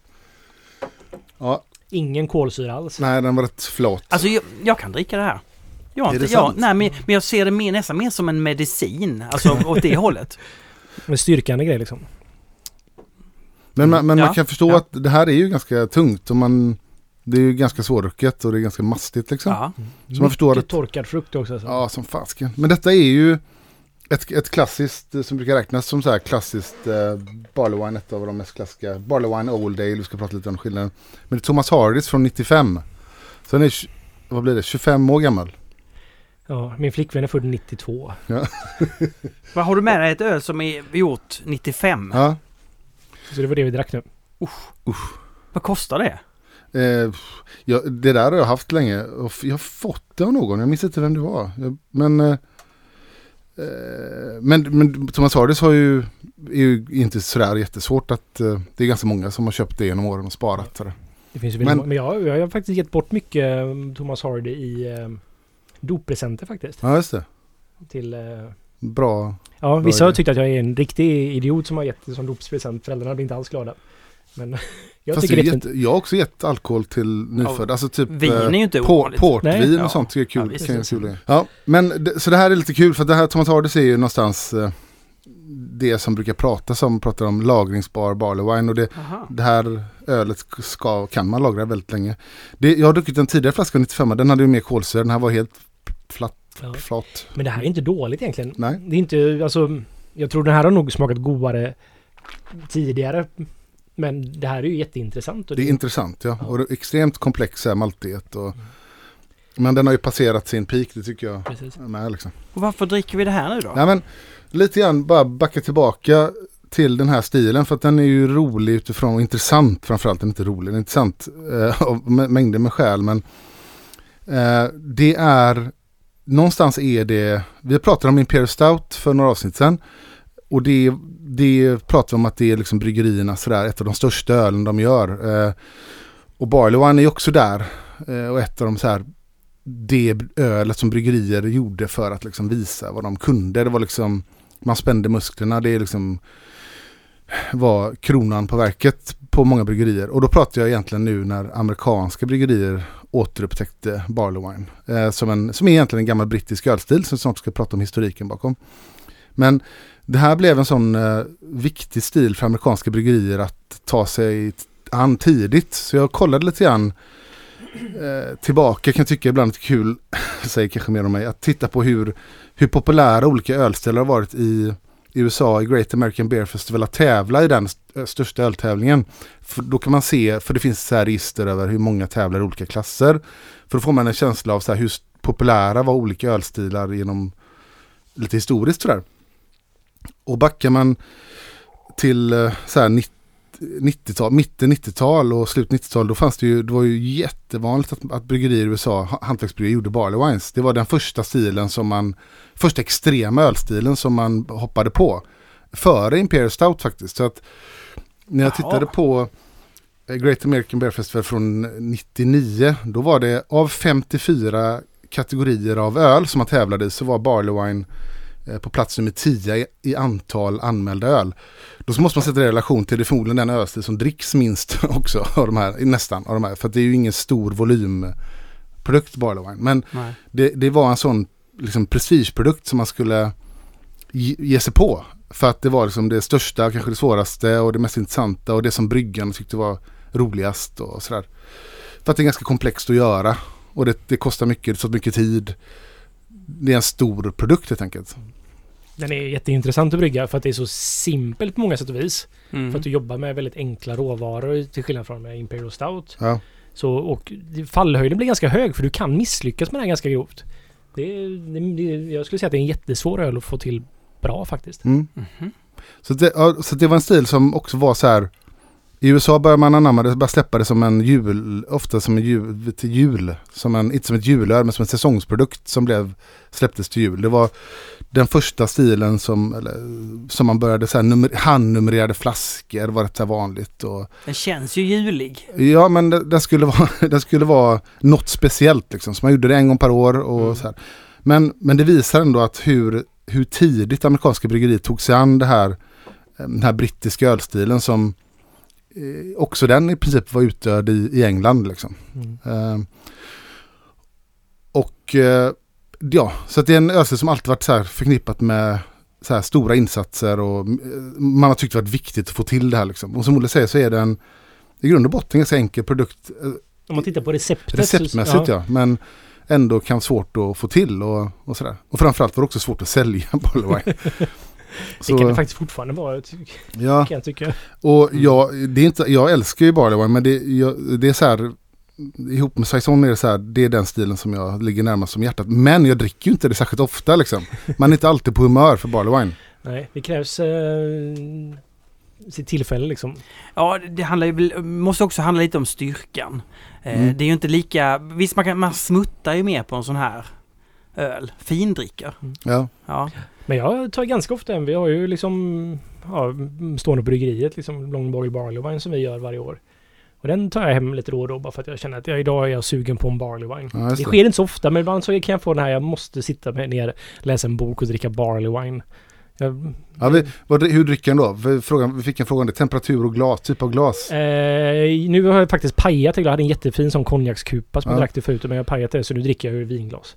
Det var, jag skulle säga, jag brukar dricka så här, exakt, liksom, ja. konjakskupa brukar jag dricka det ur också. Det känns som att det är perfekt för den typen av öl liksom. Sippa på liksom. Mm. Temperatur fick vi frågan också. I, ganska varmt faktiskt. Men jag kan tycka att jag dricker den ofta så långsamt så att den kanske är lite kall i början och så blir den tillräckligt varm på slutet. Eller så här, ja. i mitten någonstans där typ. Mm. Så det kan också vara bra för att så här, liksom, vänja smak. För det, det, alltså, varm barley wine är ju mycket på en gång. Ja. Om man inte druckit någon öl innan så kan det vara så lite som en käftsmäll på ett sätt som man kanske inte riktigt vill ha. Så då kan det vara lite skönt att den är lite kall i början. Ja, men och så, liksom gradvis så liksom kommer man in i ölen. Ja. Men det, jag minns min första, första gången jag drack Barley Wine var Thomas Hardys Ale. Eh, och det var, jag kommer ihåg det så väl, när jag precis hade fått börja köpa öl på bolaget och jag köpte saker bara för att testa. Det var, jag minns det faktiskt exakt när det var, för det var fotbolls-VM 94. För då var jag 20 år. Och då visste jag ingen aning vad det var. Jag köpte det och jag skulle till mina vänner, var mer fotbollsintresserade än vad jag, men jag skulle dit och hänga med dem. Och så var jag hos mina föräldrar, öppnade den och tyckte det var så jävla äckligt. Så jag, så jag minns att jag hällde ut det liksom. Jag Ja. bara, det här går inte att dricka liksom. Jag fattade ingenting. Och jag tror att det är det som är nog den mångas första kontakt med barley wine. Det är jäkligt tungt liksom. Ja, jag hade ju Bigfoot som första Barley Wine Ja. som jag kom i kontakt med och det tyckte jag var väldigt gott. Men det är en amerikansk Barley Ja. Wine-style mer egentligen. Precis, och Men- blir lite lätt, med lite mer beska också mer lättdrucken faktiskt. Att, Så jag tyckte det var jättegott. Ja. Jag tyckte det var fantastiskt gott. Och så kommer jag ihåg att jag köpte Thomas Hardy. och blev så här, vad fan är det här? Ja. typ, det var inte alls gott. Sen så lärde jag mig tycka att det var gott Mm. faktiskt, ganska snabbt. För att jag liksom... Det var bara att jag inte, det var, det var så annorlunda Ja, men det var- Bigfooten liksom. Så jag tänkte att det här måste ju vara fel på det här nästan liksom på något sätt. Ja. Men det var det inte, utan det var bara... Men sen det- nästa uh, Barley som jag gillade, det var faktiskt också Sierra Nevada och eh, Rogue, när Old Crestesian Barley Just det, de som släpptes i keramikflass. Nej, det var kom- stouten som gjorde det Ja, kanske. fast sen kom även den på keramik. Men från början var det småflaskor. Här, Okej, jag har nog bara provat på keramik tror jag. jag vet inte vilken storlek det är, 18 eller 25 centiliter. Jag kommer ihåg direkt Old Numskull från... Ganska Alesmith. Alesmith. Alesmith Ja. ja. Den tyckte jag tycker fortfarande är en av de... Grym. Ja, det är verkligen... Det är nog den bästa amerikanska Imperial, eh, Barley jag druckit tror jag. Ja, men för, att, för, där, för 97, jag har ju berättat om den här storyn tiden när jag hade tradade det var en, jag träff, fick kontakt med en tjej i USA som vill ha etnisk, samlare på etniska matupplevelser. Ja. Så skickade konstig mat till henne och skickade, då skickade hon tillbaka just Old Crestesian Barley Wine och eh, Bigfoot. Och då minns jag att jag tyckte det var jättehäftigt. Och då var det ett par år senare, 90, ja, 97 var det. Mm. Och då, då, då gillade jag det. Men i början tyckte jag det här var fruktansvärt jobbigt. Liksom. Kan man ta lite mer? Lite historik då, att, att göra stark eh, öl. Det här är ju en brittisk ölstil från början. Eh, och, men barley wine som ord är ju ganska nytt egentligen. Från början kallar man den här typen av öl för det finns, det kallas för Old Ale eller Strong Ale eller Stock Ale. Man gjorde ju ofta eh, öl i England som var gjorda antingen för att spara, ligga länge, de lades på ekfat och man ville ha till en liten syrlig twang i det. Eh, och man gjorde eh, öl enligt den här party gile metoden att man, ja, vad kallas det på svenska egentligen? Att det är Ja, satslakning typ. Att man, ja, batch, alltså satslakningar precis, men man tar olika... Man sparar first runnings, mitten och slutet. ja, att man fyller upp vatten i mäskan och så tappar man ut allt. Och det är ju väldigt hög densitet på det. Och så jäser man det. Så gör man det en gång till, fyller på vatten och tappar ut. Och då blir det svagare och svagare. Mm. Och det starkaste där som man också då lagrade eh, kallades för både stock ale och eh, Men här användes också till att blanda sen. Ja, sådär, precis. Så blir det en blandbas väldigt Mm. mycket. Att man, man märkte till slut att det var ganska dyrt att göra den här typen av öl. Och, eh, och, och, och spara länge så man bara göra delbatcher den här, eh, och, och spara delar av det. Sen hade den som blending med ung öl. Eh, typ blandade med en liten mild ale nästan för att få till en mer komplexitet. Liksom. Mm. Så att göra stark öl är ju det är något man har gjort i England i ja, hundratals år. Liksom. Eh, Man kan ju tänka sig också att den här första st- starka ölen som man får i första omgången blir också den finaste ölen. Man anser också att den kanske är lite finare för att den är den Ja. första. Sen så spär man ju, eller Ja, ja. nej men det är ju som vi pratade om det här med High Grade, att det sista lakvattnet liksom Mm. är ju av sämre kvalitet än det första. Och Ja. det är att Ja. jag, på 3-5 så hade jag då, spädde jag ut hellre att använda det sista för att jag tyckte vattnet hade högre kvalitet än vad Ja, just det, sista just det, lakvattnet just det, just Så det. det finns en... Ja, Mm. Ja, och, och det var som du säger, det var, det, var, det var väldigt fint och det var väldigt, det här starkaste ölet var ju något som alla hade inte råd att köpa det. Det var ju liksom till aristokratin typ. Och, mm. Så det finns ju en bok som är ganska känd från 1700-talet, brittisk eh, så här, bryggarbok som heter The, London and Country Brewer. Där de beskriver hur, där, då nämns inte barley wine för det ordet fanns inte, använde man inte då. Men man beskrev den här strong ale och old ale som att, äh, ett öl av vinös karaktär som kunde ersätta vinet på bordet. Det var egentligen det man sa också. Och, och på den tiden så var, var leveransen av vin från, från Frankrike eller, var ju inte så att det var ett jämnt flöde av det. Det kunde liksom ibland vara brist på vin. Så där kunde också de här gamla böckerna beskriva som att det kunde ersätta vinet lite grann. Så att, eh, det kanske också förklarar namnet lite grann. Eh, Barley wine som kom sen, att det var nästan i vinstyrka och hade också lite vinös karaktär. Som du sa direkt Mm. när du provade det, att det smakade lite vin, vinkaraktär då. Just det. Så, men första gången som ordet, eller på en kommersiell produkt som man säger barley wine är eh, på Bass, eh, Bass number one. Eh, och eh, det är ändå relativt sent. Man har 1800, slutet på 1870 runt där så har man Mm. hittat när man kallar det för Bass number one för ett barley wine. Ehm, och det marknadsfördes också som att det hade en del vinlika liksom, egenskaper och sådär. Och det ölet har gjordes ända fram till 1995. Eh, jag har faktiskt aldrig provat det ölet. Det har jag aldrig heller gjort. Nej. Men, men det var ju under hela 1900-talet. Det var ju liksom någonstans urtypen för brittisk eh, barley wine. Bass number one. Men det, det lades ner sen. Eh, sålde ju jättedåligt. Och Det här var en ölstil som var, eh, var också den i England då i princip utdöd. Under hela 1900-talet blev öl svagare och svagare i England på Ja. grund av massa re- skatteregler och annat och sådär.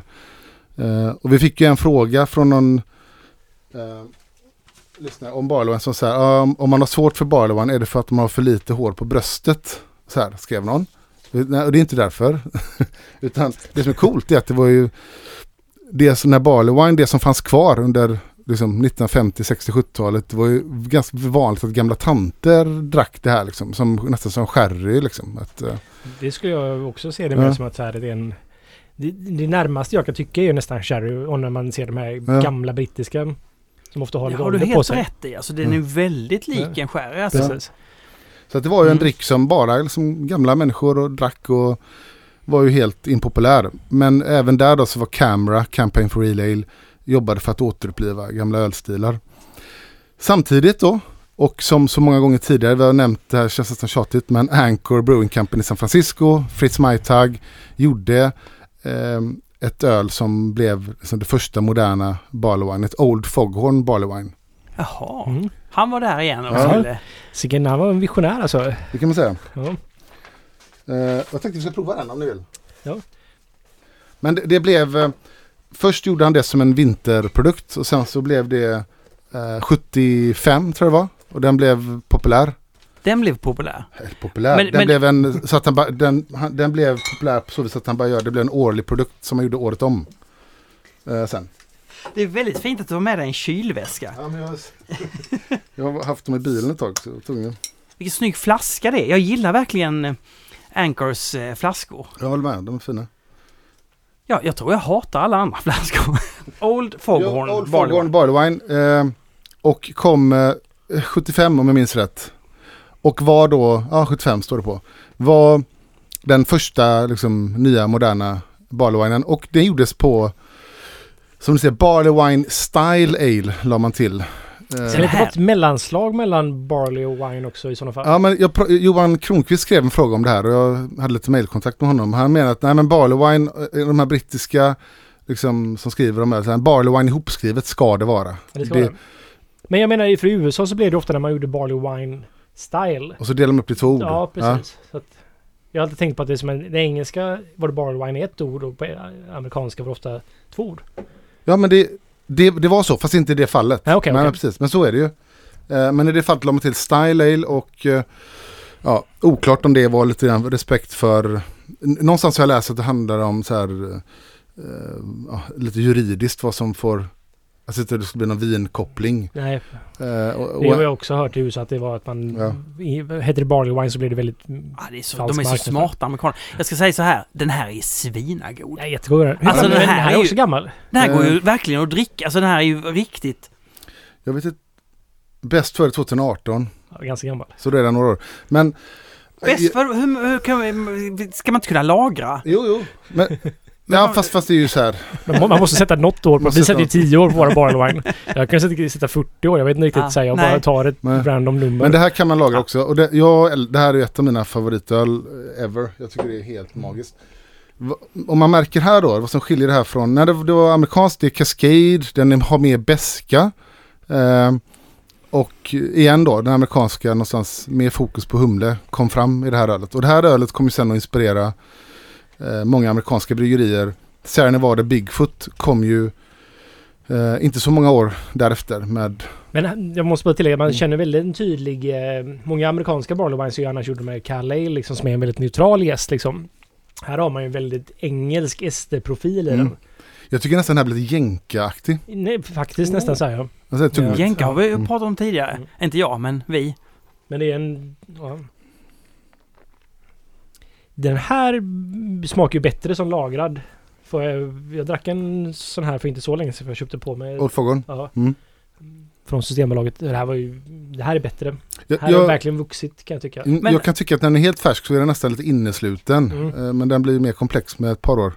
Ja, så att först fick vi prova en riktigt, riktigt klassisk engelsk. Eh, Eh, och sen så gick vi till den amerikanska populariserade ver- versionen som också blev stor i USA. Som blev eh, stor, eh, inte, kanske ingen försäljningssuccé, men Nej. den blev en väldigt stor inspirationskälla till andra amerikanska bryggerier. Och som gjorde att, eh, att den här typen av öl blev det som flesta amerikanska bryggerier gjorde tidigt när de skulle visa musklerna helt enkelt. Eh, De skulle göra något stort. Säger du att Anchor gjorde att det blev stort i USA? Ja, De inspirerar ju andra bryggerier Ja, att göra jag, det. jag skulle Ja. säga att det är de. Absolut. Men jag tycker det är roligt så här, Barley Wine har fått ett litet uppsving de senaste åren. Mm. Tack vare Don't Drink Beer. Precis, vi, vi fick en fråga om det. Vi skulle vilja se varför då. Men varför det blev så att Barley Wine har blivit så här, ja men lite, jag, jag vet inte om det, om det är försäljningsmässigt stort men det har blivit, Nej men... en hype kring- Ja, eller att man liksom. eh, snackis i alla fall på ett annat sätt. För jag, jag upplevde det som att jag tyckte det, för jag har alltid älskat Barley Wine och tycker att det är, så här, det är någon form av kronan på verket när det kommer men jag till menar öl. det. Liksom så Ja. här att det är liksom simpelt men så sjukt komplext och så... Kommer jag ihåg att jag gick på typ så här ölprovningar när man tog med sig massa flaskor så... Kanske jag tog med mig sparad eh, Har Thomas Hardy eller något liknande. Men då var det nej men fan Barley Wine det är bara maltsött och är okomplext och man bara så här va? Ja. Vad pratar ni om liksom? ja. Ja, Så det kändes som att det fanns en liten tid där det var liksom inte så... Det var lite trendigt att nästan snacka ner Barley Wine. ja, men så, det jag håller med, verkligen med om, men det tycker jag nästan känns fortfarande så att det är en, bland många, att det är en stil som man helst inte, eller att man förstår inte varför man ska dricka det om man kan dricka en, dubbellipa eller en trippellipa eller så. Nej, så kanske det. för en del. Men det som är lite kul med barley wine, amerikansk barley wine också är att det inspirerade, jag har läst på två ställen en särskild analys kring dubbellipans eh, framfart liksom. Och, och att någonstans har ju även amerikansk barley wine inspirerade ju till dubbellipa också. Det, precis. Och att det inte var inte bara att åh, här har, nu har vi IPA, nu gör vi något bäskare mer, utan det var ju, man började verkligen använda svin mycket humlor första gången, det var ju i amerikansk barley. Mm. Och så smittade det sig över till en ny variant av eh, IPA då, en dubbel-IPA. Ja. Det var väl Winnie som gjorde den första och även Ja. då eh, Rogue. Precis. De första dubbelliporna. Exakt. Men då hade det redan då hade det funnit, kommit ett gäng eh, barley wines i- redan innan. Ja. Så att, eh, nu ska vi testa Bigfoot då. Bi- alltså nu kommer du med Bigfoot och det, det här är Sierra Nevada. Sen var det Bigfoot. Eh, som är också egentligen blev en, också så räknas som en av urtyperna. Vad hände? Det är så jävla gott. Ja, det är Det doftar sjukt. så fantastiskt Mm. bra. Här har du rätt mycket beska eh, i grunden. Ja. Men alltså den här humleprofilen och att det håller sig, för det här var 2018 va? Eh, ja, Och att den här humlen håller så här bra är ju Ja. helt bisarrt. mm, jag håller med. Det, det är ju generellt så med bara Bigfoot att även aromen kan ju hålla flera år. Mm. Du gjorde någon grej att du liksom, vad gjorde du när du Jag vet inte, jag blev bara blev glad. Ja, eller förbannad. Jag vet inte, det var bara någon form av, jag vet inte, ut, så tyst uttryckt i kroppen liksom. Men kan ni känna att, man, att någonting är så gott att man blir förbannad? Förstår ni den Ja, grejen? ja, men det är lite Ja. så att det var liksom så här, det var någon form av uttryck som behövde bli, komma ut liksom. Ja, nej men bara man själv, alltså det kan bara, det gäller musik för mig. Om jag hör någonting Ja. som är väldigt, väldigt bra, då kan jag bli lite förbannad. Mm. Och väldigt glad samtidigt. Förbannad för att du inte har gjort det? Ja, Ja. lite, varför, varför kommer inte jag på det här? Den, den, den känslan kan vara väldigt jobbig när man dricker vissa öl. Man bara, vad fan jävlar. Ja. Men berä, Vad roligt att den smakar så gott, men varför har inte jag gjort det här? Ja, precis. Det här kom 1983. Uh, Hur sen många- var det hur många Bigfoot. år efter Anchor? Ehm, åtta år efter. Ja, Efter Anchor Mm. gjordes första gången. Men första gången var det, bara- 75 var det bara en engångsgrej. ja. Och sen några år senare blev det en uh, year round grej då. Och, och kan man säga då att Bigfoot var, var de som tog det nästa steg vidare? Eller? Jag skulle nog säga det för att Bigfoot var ju ännu starkare, ännu mer humle. Och Bigfoot var under ganska många år USAs starkaste öl. Faktiskt. Så det Aha. var ju liksom Men hur många, den är på 12 procent eller? 11 något va? Eller? Ja. Ja, det var det jag skulle kolla för, men den inte är så stark. 9,6 är den. Precis. Mhm. Men jag tycker, jag gillar ju, som sagt, jag gillar ju Bigfoot också. Just det. Så, ja, nu är det ju en åsna där, men det ser ju ut som... eh, nu är det i och för sig en ås. Ja men jag tror Ja. att det ska vara Bigfoot. Nej, nej, Ja, det är Bigfoot är där borta. Där, ja, det. Men jag måste säga, det finns ju då... mm, eh, men det här är ju bra beskt också. Ja, det är blir riktigt ju, Jag upplever den som att den har gått ner i beska. ja, det vet jag inte. Eller det är någonting som jag, för jag har alltid känt den här som att det är en av de mest extremt beska ölen jag har druckit liksom. Ja, men jag, den jag, ändå funkar liksom, för det, det här ligger ju kvar hur länge som helst. Och, jag tycker det. Jag tycker, det, jag, är li, jag tycker inte det är fel, men jag, men jag gillar ju Anchor bättre för min del, för min Mm. gom. Ja. Men jag, men jag är med på det- doften och komplexiteten i den här. Mm. Och det här är så fin. Jag får göra, ett, jag får göra en gissning här. Mm. Så... eh, Jag vet att de köper, och jag vet att de har det i Sierra Nevada Pale Ale, så har de en maltsort som heter T50 från Simpsons Malt som jag också använder. Till exempel Nova och sådär när jag vill Mhm. ha en klassisk brittisk crystal malt liksom. Som är, mm, och så här, och vad jag fattar så gör de T50 för Sierra Nevada för att det är som att den ska vara så sjukt och tight i sitt spektra av vad den kan, hur den får variera. Så det är så här Target 50 Lovebond då, alltså färgen på det. Och nu när jag tänker på det, för jag har använt den här malten lite grann och jag älskar den verkligen. Om man vill ha då en tydlig crystal malt karaktär i ölen. Och här, det här smakar jättemycket T50. Är det så? Ja. Det, är- det är en så här torkad fruktbit som är... Jag vet inte, det är en, verkligen en, det är en snygg karamellmalt liksom. Häftigt. Ja, Ja. den är ju, det är ju jättegott. Och väldigt mycket så här C-humle också. Den är så här lite Mm. eh, tallig liksom. Jag, jag skulle gissa att det här är mycket chinook. Det känns något Jag har faktiskt det. aldrig riktigt kollat upp receptet till den här ölen, vilket är jättekonstigt. Jag brukar ändå ha ju gjort det. Men det det är ett så här, ja, det är ett jäkligt fint öl. De jäser öppna Ja. jäskärl och ja, det är så här. Och just Coolt, det, det gör de liksom. med den här. Mm. ja. Men vad som hände då när det här började göras i USA och eh, Bigfoot var ju nummer två av amerikansk barley. Då utvecklades egentligen två olika skolor av barley. Eh, den brittiska som vi drack först som är mer egentligen bara malt. Eller det är malttungt och det är Ja. ja. estrigt och sådär såklart. Men det är, ingen, det, är inte, det är inte fokus på humle. Medan amerikanska är dels lite starkare, ofta behöver inte vara, men framförallt väldigt mycket beskare, mycket högre BU och också mycket mer smak, humle och, och aromhumle och sådär. Men så blev det till och med i början, det här ser man inte längre, men i början när de här kom i USA så blev det nästan som, eh, man pratade så här västkust och östkust eh. Så var det också i Barley Wine i början, att amerikansk västkust Barley Wine var eh, ljusare och beskare medan östkust Barley Wine, eh, typ eh, vad heter de? Mm, Brooklyns Monster och så här. De var Ja, också hög beska men den, den var lite mer malttung och sådär. Ofta Mm. lite mörkare och sådär. Men de har ju haft närmare till England så att de har ju alltid varit... Ja men lite så. Och, Eh, så den här stilen, Barley Wine blev liksom, det, det skulle man göra om man var ett så här seriöst eh, bryggeri. Så att det blev en väldigt, ja, många gjorde det, sen sålde det inte så mycket då. Um, vad ska man säga mer? I början var det ju ingen fatlagring på det här. Eh, uh, pratar vi Barley Wine, så här brittiska, den gamla stilen, eh, 1700-1800-tal, då, var, då låg det ju på träfat. Det var en del av karaktären och det här stocke, det kunde gärna få en syrlig karaktär. Det var nästan eftersträvansvärt då att skulle få den, den karaktären då. Men sen eh, slutade man ju med det under 1900-talet. Det blev ståltank och Barley Wines i USA var ju ganska länge bara ståltank.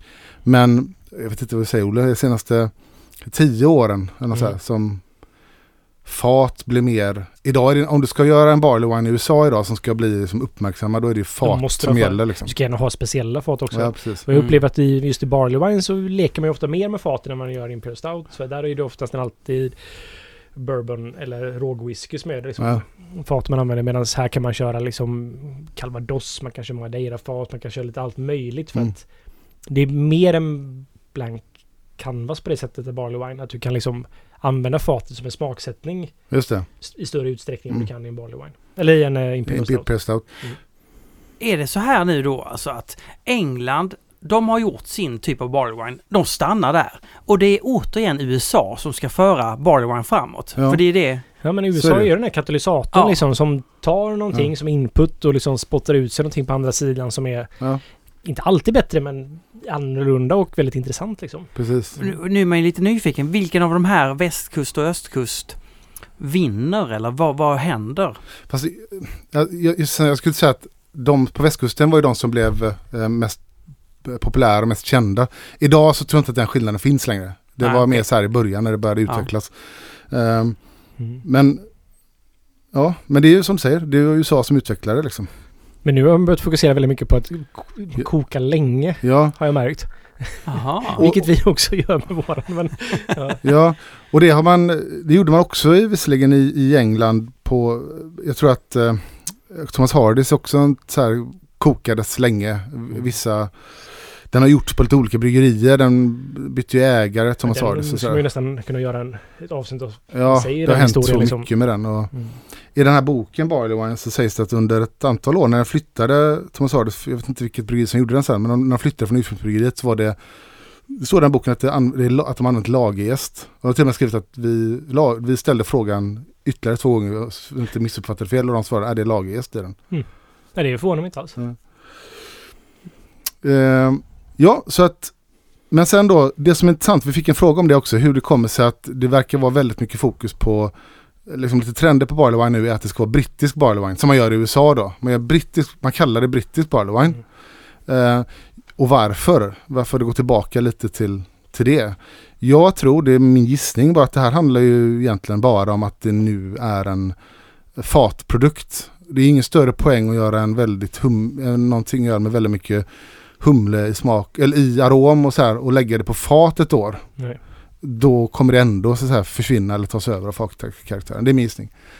Att, att man har en enklare, eller att det är ett eh, brittisk bas man vill ha och låta fatet ge karaktär. Jag vet inte vad du säger Olle men Jo, men jag, det är en, jag tror man vill använda, det är ju faten det handlar om, så man vill ju ha någon form av mer, ännu mer, för att om du har mycket, mycket humle i så är det mest bara bortkastat om du ska fatlagra också. Det kommer kanske bli lite väl spretigt, så man vill hellre ha den här grundölen som man kan ge då leka med faten och ha det som en ingrediens mycket, mycket mer.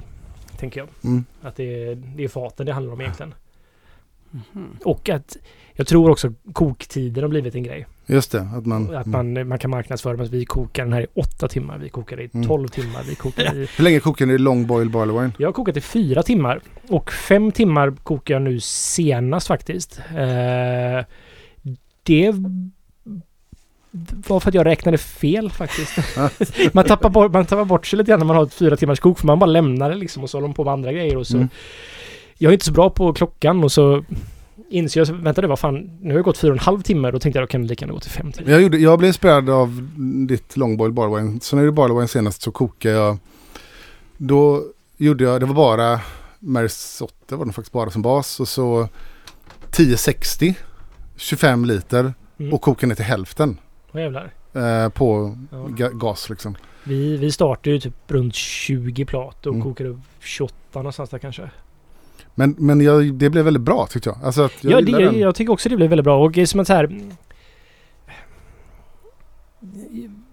Det långa koket hade jag ett problem med första gången jag gjorde den, kommer jag ihåg, 2016 då var det. Då blev då, då gjorde vi halvbatch på Stiberget för då hade vi en 1000 liters tank där vi byggde 2000 liter i.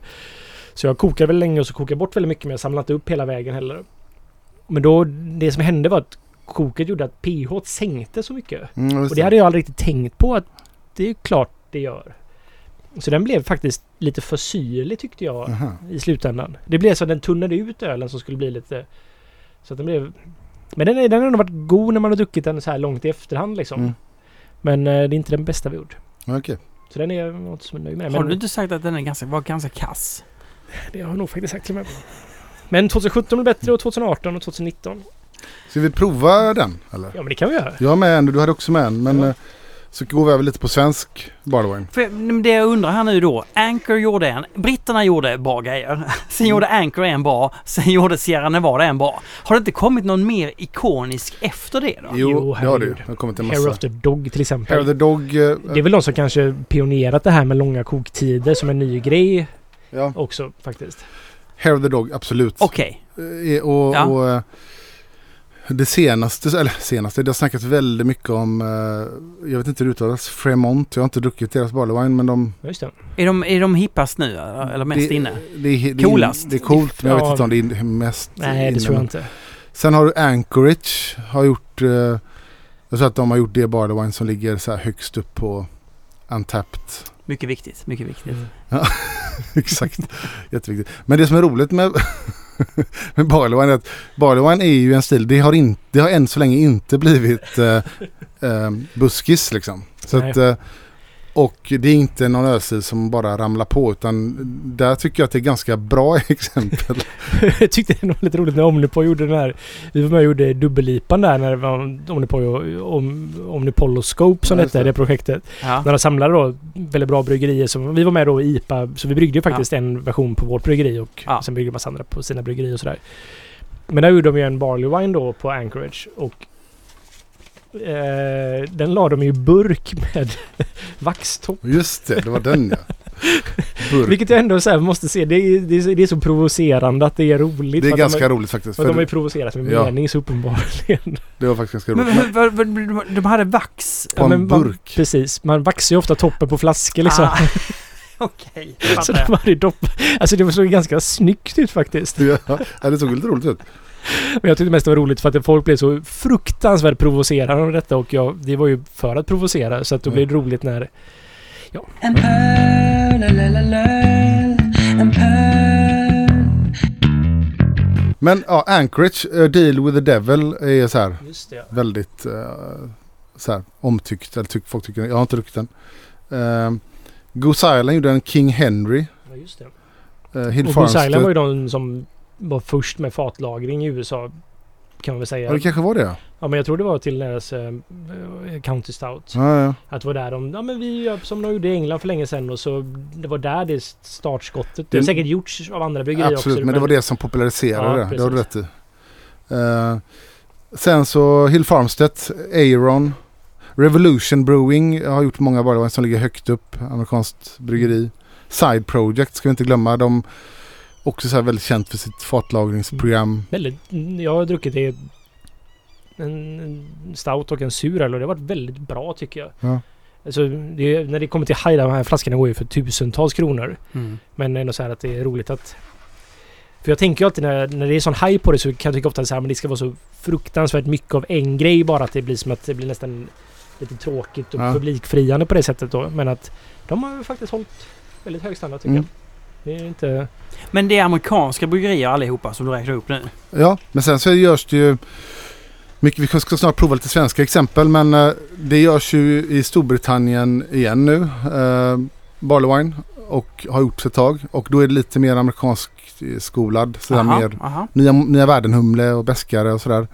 Eh, Italien gör ju en del, det räknas ibland som Barley Wine, de här Ja, Balladen. Balladen, jag vet inte vad den heter den serien. Och där, alltså där, de, de jobbar med fat. Mm. Och där hade de ju stora fat och de har ju tagit in sakefat och grejer. Så här stora foders egentligen de har lagrat det här på. Ja men det, de, är ju de är ju roliga, Ja. det är väldigt Det är väldigt, det, där blir det väldigt vinigt där. Han Ja. är ju Barolo, Barolo-regionen.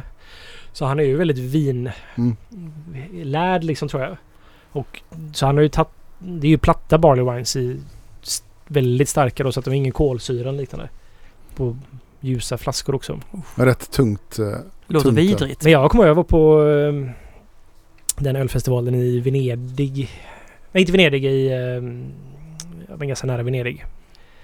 I en fruktansvärd turistort där. Ja, men skitsamma. Så där kommer jag att jag gick runt med en italienare.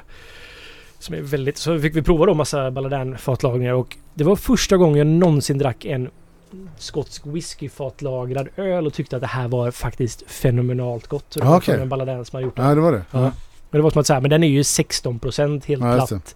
Dricker nästan som en whisky liksom så här i hettan och så liksom. Mm. Men så nu, om man tänker så här, om man pratar amerikansk barley wine versus brittisk. Nu börjar de här stilarna, eller sen ett par år tillbaka, merga ihop lite grann. För man gör, i USA gör eh, vad de kallar för en brittisk barley wine, men mer att den inte är så eh, humlearomatisk. Men man lägger det på, ofta på bourbonfat och sådär. Så blir, då möts ju någonstans amerikansk, eh, eh, liksom, Mm. amerikansk fat med eh, brittiskt sätt att göra barley wine med långa, lång koktid och sådär.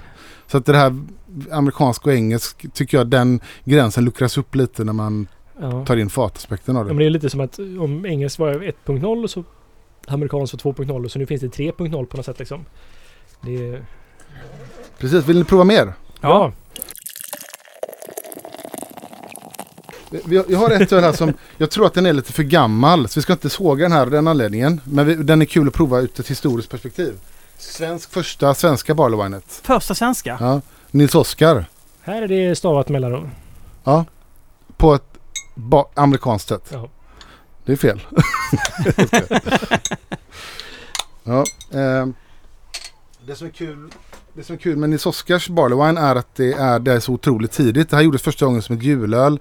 1998 kom det här. Mm. Första gången. Eh, som en julölslansering. Och det var då Sveriges dyraste öl någonsin på Systembolaget. Oh. Vad, Ehm, vad kostar den då? En fe- den var på 50 centiliter, vilket också är lite dumt med ett barley wine. Men kostade, jag tror runt 47-48 kronor 98. Och det här var helt, 98 också, ja. Det här var helt sjukt. För ju- de andra julölen kostade 14-15 spänn. Så det här var liksom gånger tre. Så det här blev en sån PR-kupp så att tidningarna Ja. skrev ju om det här. Kvällstidningarna skrev om det. Så här, ja, dyraste ölet. Och Patrik Holmqvist då, som gjorde det här ölet berättade att han blev uppringd av eh, Prips VD. Som tackade honom för att han hade visat att man eh, kunde ta betalt för öl. Det är ganska roligt. Det är jätteroligt. Jag har hört det i den stora tidigare. Det är Mm. du som berättat det faktiskt. Men det är fantastiskt roligt. Ja, men du menar att Och- det här är gammalt? Ja, det här är gammalt kanske, och jag tror inte att jag har lagrat det här ölet så jättebra. Men Hur hur ska man laga ett sånt här öl då? Är det i, i åtta grader eller? Ja, men svalare och mörkt framförallt. Ja, det är okej. svalt och, ja, precis, svalt och mörkt. Men, och inte fuktigt. Jag har ju, det ska vi prata om en annan gång för jag har så, mår dåligt över det. Men jag har ju lagrat öl fel och för blött, för fuktigt. Det är inte Mm. Det bra. här var ju superäckligt, förlåt. Nej, det var det. Jag tycker det här har hållit upp. Det är lite tråkigt är det. Det har fått en liten här nötig touch som jag inte alltid uppskattar i... Eh, det smakar som eh, Ja, det. valnötsböset liksom. Väldigt besvärlig valnötston. Ja. Oj, är, vad mycket. Oj, vad mycket bös valnöt. Ja, Ja. men du förstår vad jag menar det här liksom. ja, ja, det som ja, är runt själva Mm. nöten liksom. Ja, nej precis. Nej, det, det, det chockade mig. Men, Jag tror, men, jag tror det är från 2012. Där. nej, men om jag tänker att det är valnöt, då är det helt... Då kan jag plötsligt börja... Ja, ja, men det är valnöt jag dricker. Men jag stör mig också på den smaken lite grann. Men jag tycker det här har hållit upp helt okej nog faktiskt. Absolut. Det är inte... Men det är lite tråkigt på ett sätt liksom. Men jag tror att jag har tappat mycket också nu. Ja. Det börjar bli lite tunt. Åldern har liksom gjort det lite tunt. skulle också. vilja ha... För det blir bara... Det blir stelt bara liksom. Ja, men det som är roligt mer med det här ölet är att det var Sveriges, eh, Sveriges första barley wine. Det var Sveriges första eh, hantverksöl som vann ett stort internationellt ölpris. Mm. Det blev utsett till världens bästa barley wine på World Beer Cup. Jaha, okej. Så att det var en så här stor grej för ett svenskt bryggeri som vinner guld för ett barley wine i World Beer Cup som hade ganska många tuffa konkurrenter i den klassen. Och ja, det är Sveriges dyraste öl när det kom och så här. Så det var ganska häftig grej tycker jag. Det har gjort mycket nytt då. Basen till detta är ett öl som Patrik Holmqvist gjorde till SM i hembryggning som heter Godzilla. Eh, och han vann SM med det 90, 1993. Så när han sen började på Nils Oskar så gjorde han Godzilla som eh, Nils Oskars julöl då. Och som blev så här bra. Det är ganska kul. Att det är roligt, alltså jag tycker det överhuvudtaget är roligt att vandra tillbaka i historien och få begripa saker och ting. Med Man tanke- förstår saker som händer idag lite bättre när man också tittar bakåt ibland. Ja, men och jag, jag fick också en förståelse när jag pratade med Johnny igår och, och han berättade om det brittiska och he, hela det och vi jämförde det brittiska med det svenska och man känner ju på ett sätt vad tunt det svenska är.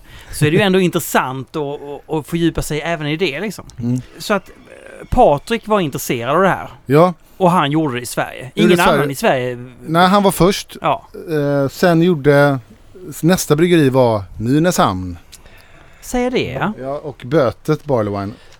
Och av en händelse har jag med det Det är med. ändå lustigt att Nils Oskar har varit ganska först med många saker på ett Ja, sätt. verkligen. Alltså har, du har länsat din... eh, Du har inget kvar i din ölkällare Nej, nu? jag, tvärtom är det ganska bra att jag är slut på de här.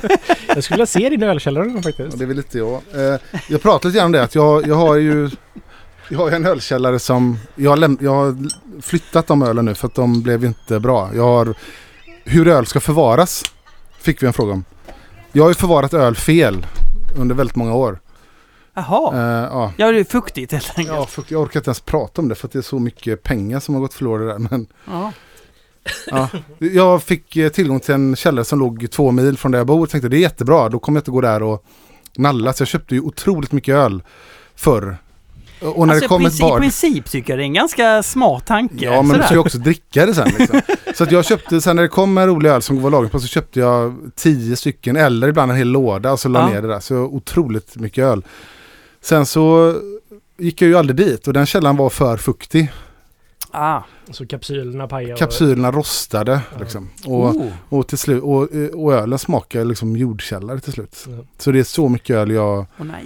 kan behöva, eller jag ska hälla Men det är ju lite mitt problem. Jag, visst, jag tycker det är jätteintressant med lagring, men om man, jag ser öl som uteslutande nästan en färskvara. Det är Ja. Barley Wine, Imperial Stout. Knappt att det vinner så mycket på lagring. Jag tycker oftast de är godare färskare. Faktiskt.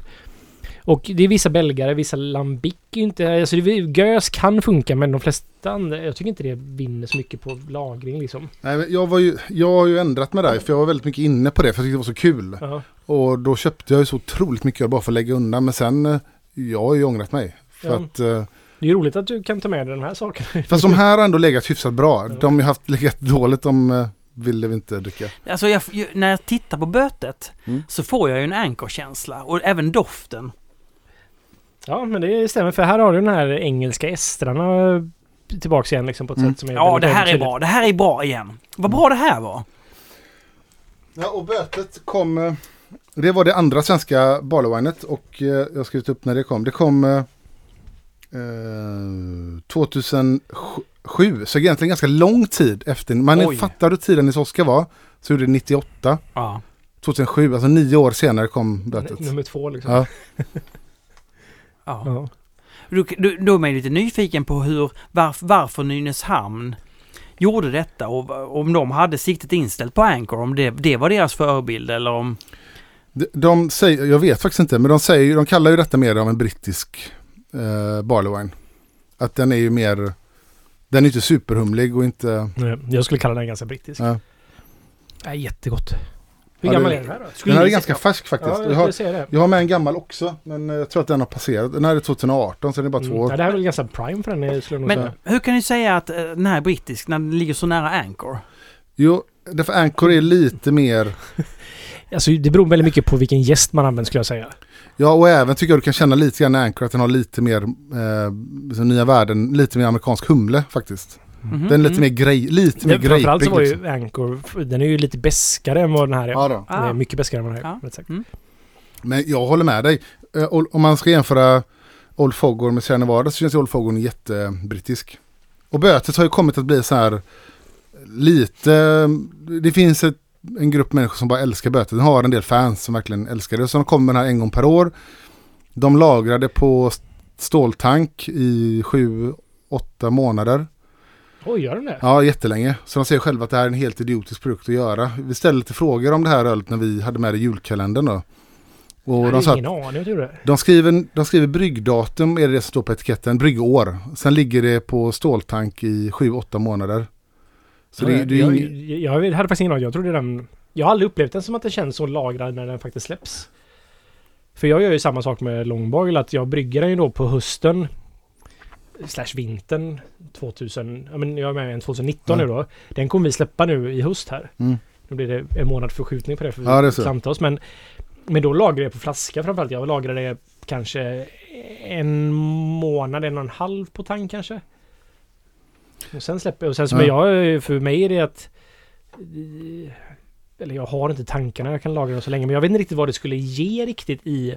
Jag vet inte heller, men de menar, de tycker att det blir bättre och Ja, här tycker jag vi ska ta in HG och Berit och fråga vad, vad lite lagring kan ge alltså. Va? Ja. Men, eh, och Bötet har också vunnit World, World Beer Awards med, sitt, med Bötet Barley Wine. En två år gammal Barley Wine, eh, som den här är. Jaha, Har de vunnit också Barley Wine. Jag tyckte den här smakade jättebra. Ja, Ja. grym. den var väldigt bra. Sen började Bötet för några år sedan, jag vet inte hur många år sedan, fem, sex. De började lägga det, en del av Bötet på fat. Mm. Så de har släppt så här sherryfat, olorosofat, eh, konjakfat. Ja, har det blivit bättre? Är inte det här det bästa?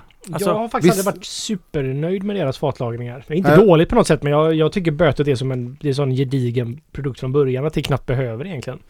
Jag, prov, jag, jag, det är ett par som jag inte har riktigt har gillat. Någon romfat som jag tyckte blev för Ja, men är, är kli, inte... klibbig. Jag tror det är bara er romfatsversion jag har provat Ja. faktiskt. Den blev lite klibbig. Men sen så tror jag att de, ett par andra har de lyckats bra med. Liksom. Jag, har inte prov, jag vet inte om jag har provat alla, ska jag vara helt ärlig. Mm, Och, och så varje år släpper de då med nytt, ny, nytt fat helt enkelt. okej. Eh, det, Men, men eh, eh, den här känns ju väldigt publikvänlig på något sätt. Det här borde ju ha inneburit att fler börjar göra Barley Wine ja, det kom ju. efter böter Jag liksom. vet inte om det är publikvänlig men Nej. nej. och när det här kom då, när de började släppa det här, jag menar, jag vet inte hur många liter de gör men låt säga att de, jag ska, nu gissar jag bara, men om de gör en tank, gör 1500 liter av det, jag vet inte, 1000 liter, då har ju det legat kvar på hyllorna ganska länge genom åren. Så att, Mm. Det är inte som när en IPA släpps liksom. Det rusar inte från hyllorna. Ja, för jag tror det är så här, det finns en skara anhängare men de är inte så stora som det är som en release och det finns några tusen flaskor så köps 90% av flaskorna sen så finns det de här skvättarna kvar Mm. som ingen bara så här åh titta där är en barley den tar jag med mig hem. det händer Ja, inte. precis. Utan Men, det- eh, ja men det är ett fint, fint öl tycker jag. Jag tycker det är en av Ja. de svenska klassikerna faktiskt. Mm. Böttet. ja, en av de bättre svenska ölen som någonsin gjorts faktiskt. Ja, den är grym. Hallå? Mm. Någon frågar så här, ja, men vad man kan äta. Till, generellt prata om så här smakkombinationer, tilltugg till öl. Det tror jag nästan vi måste prata om kanske separat avsnitt. Ska vi kunna...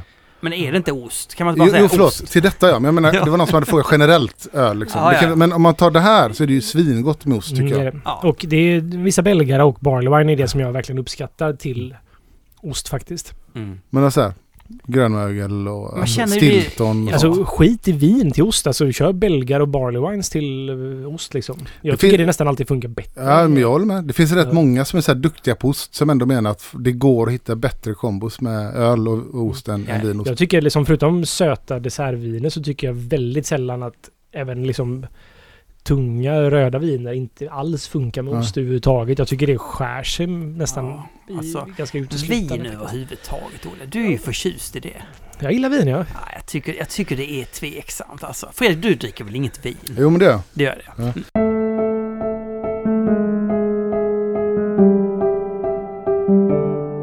Jag drack bland det äckligaste jag någonsin druckit. Vin. Nej, det var inte vin. Men det var en sån här ny hipp produkt det var någon form av svensk cider som var gjord med spontanjäst och så hade de haft i blåbär också. Och Det luk- när man doftar på så här, ja, stalligt och brättigt så här liksom och visst, och så smakar jag på det och då var det Smakar det bajs? Ja, det var, alltså det var hemskt. var Det var så tanninigt och det var... Blåbär är ju svinsurt liksom. Så det var surt, tanninigt och feljäst liksom. Ja. För, för blåbär tycker jag kan ge en, baj, en bajston. Ja, men det kan det verkligen göra. Det håller jag med om. Ja. Ja, ja, det finns en funkighet där, men den, det är ju inte den otrevligaste bajstonen du kan tänka Ja, men där, där, där, där får jag då dra in Jagge. Han kommer ju säga det här i vårt avsnitt sen. Ja. Alltså att, att nu, eh, om man brygger kaffe, Mm. då finns det en bajston i det. Ja, Okej, Som Ja. han har hittat. Mm. Han letar. det gäller att hitta rätt bajston. Ja, ja, ja. ja.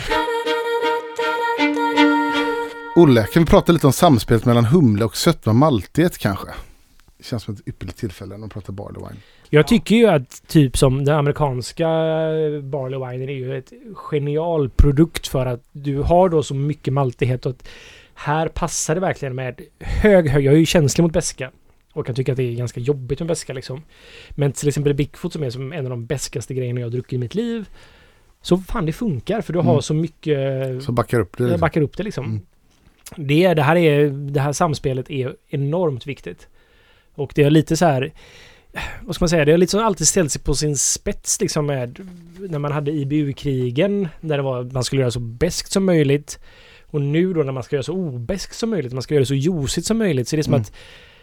Kan vi inte bara göra en bra produkt istället för att jaga någon form av extrem i det hela liksom? Det är... Ja, det stör mig. Ja, jag fattar. Det, var, det här har du redan svarat på egentligen. Kok, en, en som kokade i fyra timmar blev som väntat mer alkohol, sötare och mer karamell. Om man har erfarenhet av att koka så länge, vilka positiva respektive negativa erfarenheter har ni fått av det? Du var inne på det lite grann. Ja, alltså det som ska hända när man kokar länge är att man också man gör den ostabilare på ett sätt. Ja. Det är inte bra för den. Den, den har ju chans att bryta ner till vad som kallas för liksom stale, stale beer, liksom, eller så gammal öl på något sätt. Vilket i barley blir gott. Mm. Så det är det som är så roligt med barley wine, att man kan koka länge och att det är faktiskt den smaken ändå som händer med åldringen då, att man, alltså oxidering plus då den här liksom nedbrytningen av Det är Faktiskt. roligt är att det kall, i England eh, tidigt när den här typen, det kallas ju för Old Ale, ibland kallas också det för Stale, Precis, stale precis, beer ja. på ett bra sätt. Liksom. Ja, och det, och det, det här är ju liksom en av de få tillfällena när det faktiskt är här, men här blir det gott. Det blir ju Madeira eller Mm. Sherry och Ja, ja, lite ja. så här att Ja, ja, man visst. får... Visst det Men så. sen så... Det har ju gått lite troll i koken. Jag tyckte det var roligt att när jag gjorde Longboard Barley då tänkte inte jag så mycket på att ja, men jag vill koka länge för att det var så man gjorde med brittisk. Jag ville använda en single malt, eller så här att jag vill göra en single malt med en maltsort. Så första året gjorde jag med Mary Sotter, sen gjorde jag med Golden Promise efter det faktiskt. Mm.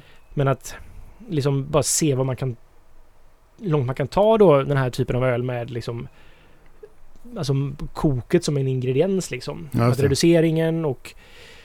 Jag har ju alltid hävdat att jag, det är inte bara en reducering av eh, Nej, produkten utan att det faktiskt händer någonting med man karamellisering. liksom. Ja, eller sen nu har vi ånga när vi kokar och det är nå, ångan ligger på 130 grader ungefär. Så det är ju för lågt för karam- karamellisering. Men det sker maillardreaktioner. Vilket jag ändå... Sen så är det många som hävdar att nej men det funkar inte så för vätska kokar vid 100 grader. Det blir inte varmare så det blir ingen. Och jag förstår det ur ett rent vetenskapligt perspektiv att det är så. Mm. Men jag upplever inte att det är så. Nej. Utan någonting händer. Och jag kommer ihåg när vi på Stiberget hade det första bryggverket som var på 1000 liter. Och då hade vi ju keramiska stavar som gick in i, eller de var täckta av aluminium, eller inte mm. aluminium men eh, rostfritt. Och i det var det keramiska stavar. De nådde en temperatur av 700 grader. Och det kokade vi då med. Och eh, pilsner vi gjorde framförallt på Stiberget var ju det som gjorde typ till 50% var ju pilsnet i Hagabion. Var det så? Ja, i början när jag jobbade så Ja, var det, ja, det, tidigt var det. Det var då det var ju det, var det, det vi gjorde liksom. Det var ju, Ni var så små så att Hagabion var... Det Det var ju räckte nästan- nästan att ja, ha men den. Nej alltså, men allting såldes ju till Hagabion. Det Ja. var ju inte någonting vi hade ju, Nej. Det var ju först West Coast som... Elefanten blev lite på Systembolaget men West Coast var ju den första som Ja. började säljas någonstans utanför liksom. Nu är vi med 2014 där. eller typ. Ja, 14 precis ja. Ja. Så vi blev 14 och 15 så bryggde vi pilsner framförallt Mm. liksom. Och där 2016 så bytte vi ju till ett nytt bryggverk som var 2000 liter och upphettat med ånga. Och där blev ju pilsnen helt annorlunda. Det var ju som att säga, jag bara, men... För den var ju väldigt simpelt receptet. Det var liksom pilsner med allt lite karahell tror jag det var. Mm. Och helt plötsligt var det som att den här är ju helt endimensionell. Vad är all den här maltiga komplexiteten? Här? Det blir mycket ljusare. Det var så här att... Och det, vi kokar bort lika mycket procentuellt på båda de här två bryggverken. Men jag tror ju att stavarna, för det brände ju fast där på dem. Ja, ja. Att det gjorde... Tillförde ja, någonting. det för- tillförde Maillard-reaktioner framförallt. Och lite karamellisering. Mm. Vilket var väldigt gott i pilsnen. Det behövde det. Så jag fick ju liksom upp upp. Det som man, man kan ju få den reaktionen från mältningen också. Så då får man ju använda mer karamellmalt helt enkelt. Ja. Men det blev inte riktigt samma. Skulle ni kunna diskutera lite kring tillsatsernas vara eller icke-vara? Socker av olika sorter, honung, melass och annat som vanligt förekommande i barley wine. Eh, ryska godisklubbor. Ah, Ja. Som, Och på tal att man inte skojar till barley wine. nej, Nej. det gör Stigberget. Jävla Stiberget där alltså. ja, de Jag gjorde är en... så besviken på Andreas. Jag också är det. Hans, min, Jag tror den släpps på Systembolaget samtidigt som ni släpper er eh, singelhopp. Är det sant? Ja, sa Mm. Cockerell med Nej, jag, det var, godisklubbor. jag tappade all respekt för Andreas när jag gjorde detta. Jag blev så besviken. Han har ju varit min idol. Jag har alltid respekterat Andreas enormt, men Ja. där så tappade jag också honom. Ja. Så jag har inte velat prata med honom, men så träffade jag honom på Stigberget förra veckan faktiskt. Och, Och då, ja men då är jag ändå gillar jag honom igen. Det är ju svårt att inte gilla honom faktiskt. Trots den här godisklubbfadäsen liksom. men vad, vad fan, vad, vad, vad det handlar om var att vi visade upp att det var en godisklubba. Det, det är ju hela grejen. Skål! Skål. Ja. Eh, baronen, Ba, Ah. Vadå baronen? Vadå baronen? Vad menar du? hantverksbryggeriet Baronen. Det här är många som har som en liten barley wine, Mm. svensk barley wine favorit. Nu, får- nu får du berätta. Hantverksbryggeriet. Vad är Alltså- det för ett bryggeri? Alltså, jag är lite dålig på Baronen och bakgrunden till det här ölet. Jag har... Alltså med, det är de som är från eh, Västerås va? De har funnits ganska eh, länge. Västerås ja. Ja. 2003 startade Ja. de, så de är ganska gammalt Oj, bryggeri. precis. Ja, men jag har... Jag, alltså, när hantverksbryggeriet är bra så är det fantastiskt bra. Jag har tyvärr genom åren slutade jag köpa deras produkter för att jag, det varierade så mycket. Mm. Tyckte jag. Att jag, det var inte liksom... Ja, men fast det, jag, jag håller med, det har varit lite så här. Men det här ölet har de alltid varit kända för och det här har alltid varit bra. Ja, det här var bra. Det här var bra. Baronen. Hantverksbryggeriet. Här har vi lite mer så här. Jag tycker lite mer så här karameller och... Här är mycket Karamellmalt, karamellmalt och lite stickigt på ett så här lite nästan feljäsningssätt men Men ser ni tjockheten i, i skummet alltså? Ja, nu- ert skum har försvunnit lite grann. Men, men Mm. kolla! Oh! Mm. Ja. Mm. Mm. Nej men så att... Att, att ha sockerarter, äh, socker i barley wine, det är väl ganska så här, det är, inget konstigt. Det är ja, väl, och, behövs alltså, ibland för att driva upp alkoholen. Ja, eh, honung kanske inte är så jättetraditionellt i barley wine tänker jag. Honung är det faktiskt, glömde jag säga, det är det i bötet. Jaha, okej. De har honung i den. Ja. Ja. Men eh, jag vet inte, alltså det är ju, väldigt, det är ju skillnad. Alltså man ska ju verkligen tänka på att det är skillnad på alla dessa sockerarter. Det är, jag är det kan, det? Ja, det är det. Jag kan, inte- jag kan inte så mycket om det här men det har, det har varit väldigt roligt att experimentera med honung tycker jag. Ja. Och man kan inte bara säga att det är fruktos liksom i honung utan det är mycket, mycket annat. Mm. Och jag, jag använder muscovadosocker en del i eh, Baltic Porter då. Och det är också så här att jag tog ju bort muscovadosockret för jag tänkte att det inte gav någon form av eh, faktiskt riktig smak i det hela. Och det tog bort all själ ur Baltic Porter. Så när förde du tillbaka det? Det gjorde jag ganska snabbt efteråt igen. Det var, Alltså det, nu är det det. Ja, det är det. Mm. Men eh, jag har ganska mycket... Du har mycket sån hemma nu så du är orolig. ja men det var ett tag på Stiberget där när det var som att så här, vi bryggde alltid Baltic Porter. Bara så oj shit vi har slut på Baltic Porter. Vi, ja men vi har ett bryggtillfälle och så var det som att så här, jag har inte köpt in. Okej. ja. Tänkte, men det spelar inte stor roll. Men tji fick jag, det gjorde det. Mm, det var det, det den, den skapar den här lilla weirdheten i eh, Baltic Porter som jag vill Ja. ha där liksom den här. Ja. Coolt. Så socker, jag, jag tycker man ska... Alltså det är en grej bara i liksom... Alltså du kan ju använda alltså, rent socker bara liksom. Och det, är ju, det händer ju bara... Det blir alkohol av det. Mm. Och så... Men ja, de här liksom... mu- Muscovadosocker, olika melasser är ju liksom... Farinsocker. Jag vet, Ja. farinsocker vet du fan. Det finns stärkelse och grejer i farinsocker Aha, tror jag. alltså. Det är mycket... Man, man kollar på ingredienslistan där först. Eh, innan man har i farinsocker. Men all form av socker med lite färg i gör ju... Men jag skulle säga muscovadosocker, ljus och mörk är det Ja. du ska använda. Jag har aldrig funderat på att ha i knark. Alltså, j- jo det har jag faktiskt. Jag hade ett projekt ganska långtgående. Jag hade researchat jättemycket kring det här. Att ha i då, alltså Mariana i... eh, Och när jag var hembryggare ska jag Ja. tillägga, inte, inte på OO. Men det är en del som har haft provat det. Ja, men och då hade jag en polare som var väldigt intresserad av det här projektet. Så vi hade... Men... och så läste jag om det och eh, jag tittade på lite amerikanska eh, hembryggare som gjort det här och de hade vissa så här hur mycket man skulle ha i och där var det framförallt att du får, alltså det är ju lösligt i, THC är ju lösligt om du vill ha ruset av THC då. Så behöver du ju liksom du antingen upphettning så därför kan du baka det Ja, du kan inte torrhumla om du äter eller? det bara liksom så är det inte så inte så mycket. Liksom. okej. Mhm. Du behöver upphetta det för att du ska Ja. få till liksom och så här. Men sen så är det lösligt i alkohol då men det är ganska lite som kommer ut även om du gör en. Så jag tänkte jag skulle göra faktiskt en barley wine då. Mm. En amer- amerikansk barley wine. Nej, alltså det var jättenära. Jag gjorde det här på platsen faktiskt. Men eh, sen så då insåg vi att det kanske är lite annan prisbild på eh, Mariana i för mängderna man skulle ha i då. För att det skulle vara någon form av mening med det. Det var ju fan typ 5-6 tusen Mariana om man skulle köpa det i Sverige. Ja, men, ja.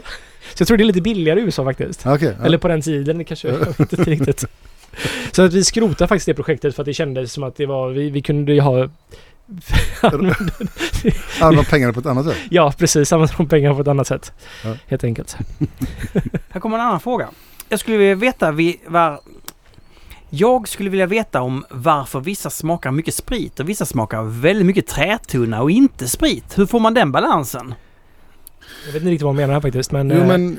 Ja, ja, det är det är fatlagring det handlar om då. Ja, men det, dels spritaspekten är väl annan. Eh, Viss öl smakar ju väldigt mycket, kan ju smaka mycket alkohol. Eh, Ja, man kan ju också få de högre alkoholerna Ja. som smakar ganska...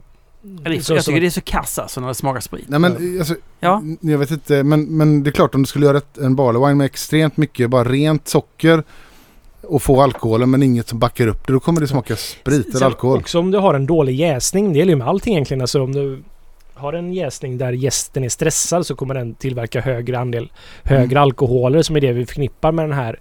Etanol är ju väldigt rent i Mm. doften liksom. Det ju... Det Men- känner vi knappt liksom. Men högre alkoholen blir som att oh, här luktar det liksom handsprit eller liknande liksom. Eller så här Ja. whiskyaktigt. Och whisky vill man ju ha det på ett sätt Ja. liksom. Men att så om du har en stressad jäsning och det blir ju väldigt, alltså det är svårt att jäsa barley wine för det har en extremt dålig miljö för gästen för du har så mycket socker från början. För att det är så stark Ja. OG då liksom. Men- så du måste syresätta jättemycket, Ja, du måste ha en stor jästpitch och du ska ha liksom... Ja, Ja men, men jag tänker att det hör ihop med... eh, För jag tycker, jag, det är ju sällan tycker jag man dricker barley wines som är spritiga men däremot tycker jag ibland man dricker belgare som kan vara spritiga. Ja man pratar alkohol. Ja, Och där har man ju ganska så stor, stark tradition att ha ganska stor andel socker ibland. Ja det är ju Precis. min hypotes att då blir det... Då har du ja inte men med enkla sockerarter liksom. plus då en väldigt stark vurt från början så blir det ju... Det är också en... Ja, Mm. det kommer ju, men jag tror den jäs, du jäser ju varmt också än i belgare. Det tror jag framförallt är det som gör att du får högre alkoholer. Ja, precis. Fatkaraktären tror jag handlar mer om att eh, det blir för mycket, ibland blir det för mycket, det blir för mycket fat ibland. Det tycker Ja. jag med. Jag, jag har gjort detta nu när jag har börjat experimentera med fat. Och det tycker jag är lite spännande hur man, där är det ganska vanligt på amerikanska bryggerier att man har så pass stora fatprogram och man har också lagt, någon, lagt ett öl, Barley Wines Imp Stout på ståltank. Jag vet att Toppling Goliath jobbar så. Och sen blandar man för att rätt mycket fatlagrad Imp Stout och Barley Wine. Goliath har väl använt spiraler också tror jag. Ja det är möjligt. Ja. Men i alla fall de har då, kan de... ekfatslagret på ståltank med spiraler Ja, faktiskt. Men då, de kan i alla fall styra liksom, nivån av trä. För jag känner en del gör ju, lägger öl på flaskor som lägger på fat. Och säger så här, ja men det här är fatet vi har och, och det här, nu lägger vi det på flaska. Och, då kan, då, och är det för mycket fat så är det för mycket fat. Men jag tror att en del amerikanska bryggerier jobbar med, att de jobbar med blending innan. Mm. Ja, jag flaskor. tror du vill att det ska vara så mer än att det faktiskt är så. Toppling Goliath säger att den är så. Ja. Jag tror de är också väldigt duktiga på marknadsföring. Ja, det förmodar jag. Jag måste kissa faktiskt. Men varför skulle man inte göra det menar du? Otroligt bökigt. Okej. ja. Alltså om vi lägger ett, en barley wine på ekfat. Jag kommer inte spara en bit på ståltank i ett års tid eller Nej. nio månader vad nu vill att ekfatslagrar den. Och ska blanda in den här, liksom det, det gör man inte. De kanske har lagrat det på alltså, stålfat som att de... ehm, eh, alltså, alltså vanliga kegs liksom. Ja, det är Och sen- det är, så kan det mycket väl vara Ja. men det känns också, jag tror att... Det är möjligtvis att de... Ja men nej, det är, så här skulle man kunna göra. Det är faktiskt en ganska smart idé att man... Om man brygger en gång om året på hösten till exempel. Och så ekfatslagrar man den då i nio månader så att den är... Eller ett år. Mm. Så då har man bryggt en ny på hösten så Ah, man tar ja. nästa, år, nästa Mm, den mm, färska versionen och blandar in den faktiskt. Det kan man göra. Sant. Det är inte en dum idé. Du går och kissar nu. Alltså jag ska säga så här. Lyssnar du ibland på... Vet du vad jag gör när Olle går och kissar? Då passar jag på att prata om livet med dig. Ja, det är bra. Eh, egentligen bara säga någonting som jag har tänkt på. Ja. Och det är att eh, det finns vissa radioprogram som jag älskar. Mm. Allvarligt talat. Har du hört det någon Nej. gång? Man skickar in riktigt tunga frågor. Vad är ångest bra för? Ja. och så vidare. Eh, varför ska man vara missunnsam och så vidare. Och så får då olika eh, människor svara på det här. Eh, och nu, just nu är det Liv Strömquist och den här Stockholmskillen. Killen. Men 2016 så var det Horace Engdahl. Aha. Det är något, det är de mest drömska, underbara avsnitt jag har lyssnat på. Är hans svar bra? Eller? Hans svar är så magiskt bra. Ja. För att han, han är så beläst så han kan, han kan ta fram någon tänkare från 17, 15, eh, 1300-talet, vilket, vilket hundratal som helst. Ja. Och plocka något citat från dem. Ja, som den store sa. Och så, och så leder han det därifrån och så berättar vad han själv tror. Och det är... Eh, och inte minst, han har en mycket behaglig röst. Ja, men han är... Han är lite svår för att... Och, och vet vad man ska tycka om honom. Särskilt efter det som har hänt med liksom, Ja, ja, det sådär. färgar ju såklart. För jag, jag har inte hört det tidigare, men jag hörde nu i, igår. Eh, eller häromdagen. eh, Sara Danius sommarprat från... Det här var, måste vara två år sedan. Alltså när, direkt efter hon hade Ja. blivit avsatt. Eller, Ja. och, och då när hon beskriver sin tid där och så här och, och honom. Då man får ju så här, shit han är ett svin liksom. Ja, ja, alltså vilket... Alltså, överhuvudtaget sommarprat ska bara... Det är bara de som är berättare som ska få ha sommarprat. Mm. Resten klarar ju inte av det. Ja, det finns några som kan, kan, kan göra den där grejen. Och det måste inte vara P.O. Enquist. Har du lyssnat på hans sommarprat? Nej. Det är väl för en tre, fyra, fem år sedan. Som är ett av de mest magiska sommarprat man kan höra. Därför att han vet hur man bygger en berättelse, en historia. Magiskt. Alltså det, är det, man, det är det man behöver kunna. Det är det som, ja. ja ehm, nej, och, och likadant med Sara Danius. Fantastiskt sommarprat skulle jag säga. Eh, Ja, det. Du har hört det? Ja, ja, ja. ja. Mhm. Eh, nej men så att, eh, ja, men jag, jag, Men är det, absolut. är det P1? Eller vad är det här? Ja, men det är P1, det är poddar. Ja. Det finns ju som podd allting nu- nu- numera också. Och så kan du lyssna på Katarina Har. Ja, Du känner inte henne? jag känner namnet. Jag vet Ja. inte. Hon har en programserie som heter Katarina har möter. Ja. Det är en halvtimme där hon möter en människa. Och så har hon under varje säsong så har hon en frågeställning som handlar om, kan det, det kan handla om mödraskap. Det kan handla om skuld. Det kan handla... Och i varannat avsnitt så träffar hon någon som ger en sån jäkla djupdykning in i livet. Jag tycker det, det det är så många program, men jag tycker faktiskt att Torsten Flink-programmet är helt... Han är ju fantastisk. Jag vet inte vad man ska säga, men det, jag vet bara att det avsnittet är så fruktansvärt bra. I övrigt Det ska... finns ett klipp jag såg ganska nyligen Tor- Vadå? Torsten Flink provar... jag ska inte börja prata nu. Eh, Där Torsten Flink provar nya glassar. Det är genialt. Det är helt fantastiskt. Och så sitter han på en parkbänk och så får han prova nya glassmaker. Ja. Det är helt magiskt. Nej men och ju, han säger ju att, att Persbrandt har ju bara eh, kopierat honom. För han ja. hade väl Persbrandt på, på Dramaten, Ja. alltså som, som elev. Eh, och han kopierade Jaha. en sida av Torsten Flink. Han sa Ja. han kan spela en roll, Ja. jag kan spela alla roller. Ja. Och jag tror honom. Ja. Jag tror honom. Eh, Alltså jag, på något vis gillar jag, gillar jag Torsten Flink faktiskt. Ja, faktiskt. ja men jag också. Jag också. Nej men det, det, det är för att man ser att det finns en intelligens. Och slutligen så tycker jag att sommarprat som, som ni verkligen ska gå och lyssna på är Daniel Sjölins sommarprat. Ja, tillbaka till frågan då, för Yes. nu är du tillbaka Olle. Ja. Härligt. Ehm, skulle vara kul att höra er åsikt om maltval.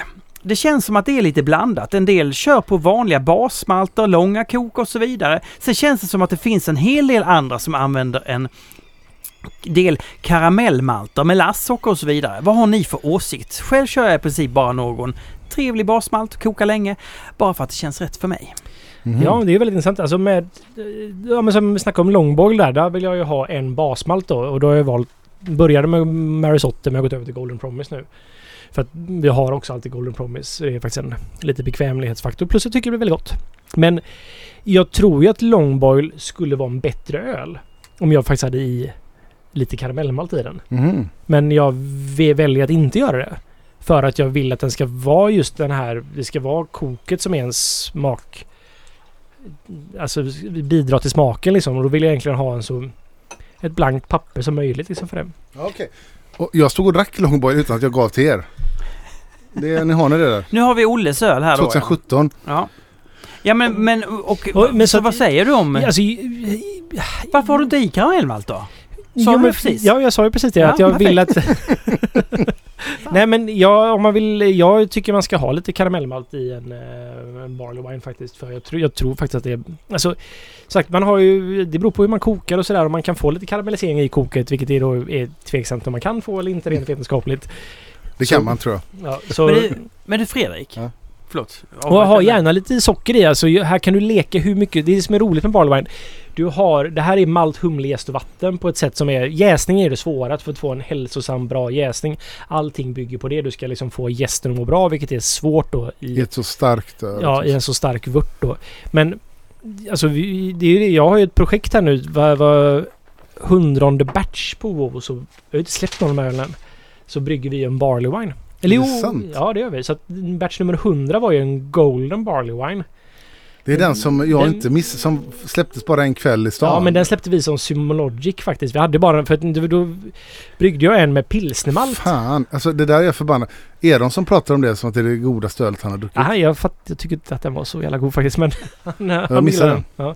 Nej, men då gjorde vi en Golden Barley Wine och då var det som att säga, jag vill göra en udda Barley Wine. Batch nummer 100. Så jag tänkte så här, men jag ska göra en så ljus Barley Wine som möjligt.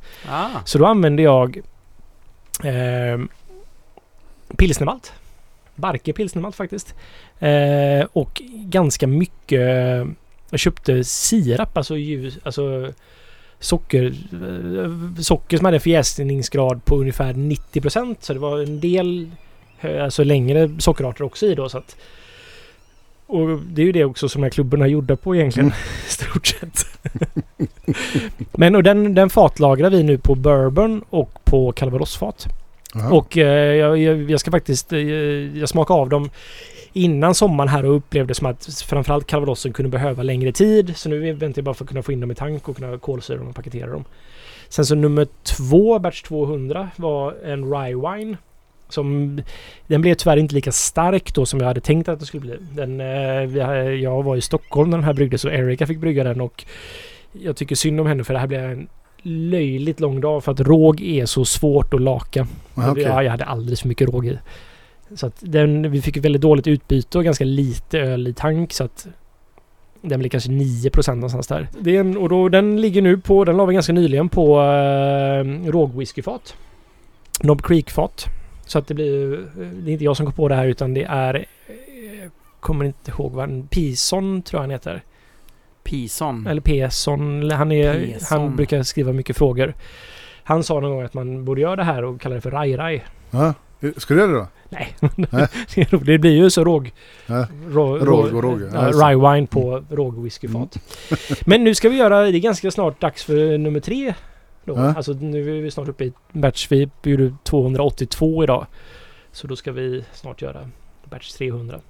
Så det blir en ny barley wine. Har du tänkt ut den eller? Alltså det är antingen wheat wine eller oat wine. Jag är dock lite sugen på att bara göra en American barley wine liksom.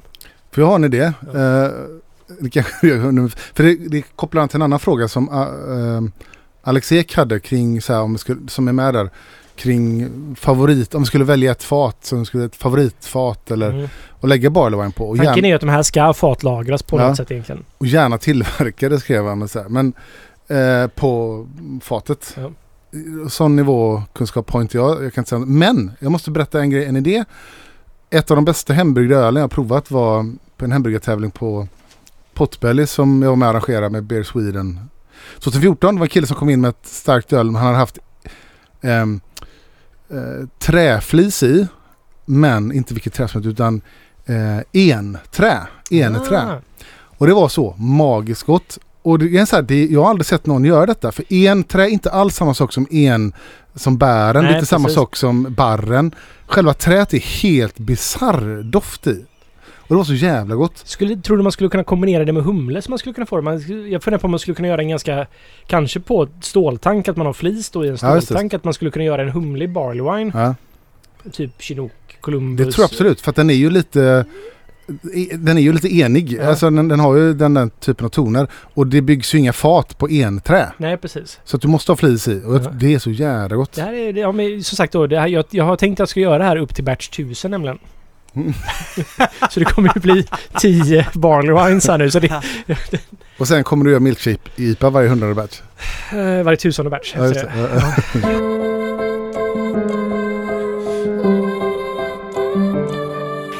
jag skulle tycka det vore intressant att höra mer om bilfenomenet Mm. Barley wine is life. Mm. och personkulten kring DDB. Mm. Don't drink beers. Inte Den Doyle mimen som jag visade dig förut Martin, det var ju Don't drink Ja, beers. just det. Eh, samt den nya amerikanska fixeringen kring barley wine av engelsk stil i allmänhet och fatlagring i synnerhet. Eh, ja, barley wine is life, det handlar väl, det är väl, vadå? Det är väl bara att vissa gillar det mycket och så... För mig var det väldigt mycket som att så här, när jag första gången hörde talas om Barley Wine is Life så för jag var så här, jag var ju sur på ölsvängen lite grann på ett sätt som var som att så här. Jag är fortfarande sur på den men att det är så här att, men vad fan, hur kan ni liksom dissa Barley Wine när det är Mm. så gott och det är Mm. så viktigt att ni inte fattar det här liksom ni nya öldrickare som inte varit med liksom så här, ni, det här är ju, det var som att så här, det var, jag, jag tog det väldigt personligt. Mm. Så jag blev väldigt glad när jag hörde talas om att så här, det finns en grupp människor som kallar, som har en hashtag som heter bil, barley wine is life. Ja. Och det blev så här, jag bara, äntligen um, typ så här att det var som att så här, fan, vi det är finns inte... andra där ute liksom. Ja, precis. Man är inte på en ensam ö någonstans utan det är som att så här, ja. Mm. Så var känslan. Jag tycker, och och jag, tycker, jag tycker det här är väldigt dubbelt, för jag tycker, jag tycker att Barley Wines Life eh, absolut ska få finnas och det är under...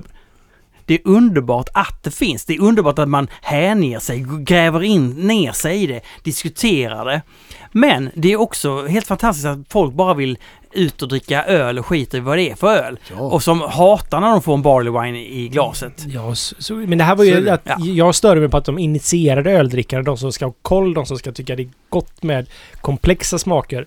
Jag förstår att en vanlig öldrickare som dricker en ljus, stor, stark liksom inte kanske tycker att barley wine är det godaste. Jag har all respekt för. Absolut. Men när då liksom ölnördarna började dissa barley wine så tyckte jag så här att det var liksom fan. Ja, men jag håller med dig. Men, men, det dissas, så här. jag håller med, men det dissas ju redan än idag fast inte uttalat. Men bara genom att du ser ju hur ofta på de här kontona folk lägger upp vad de dricker.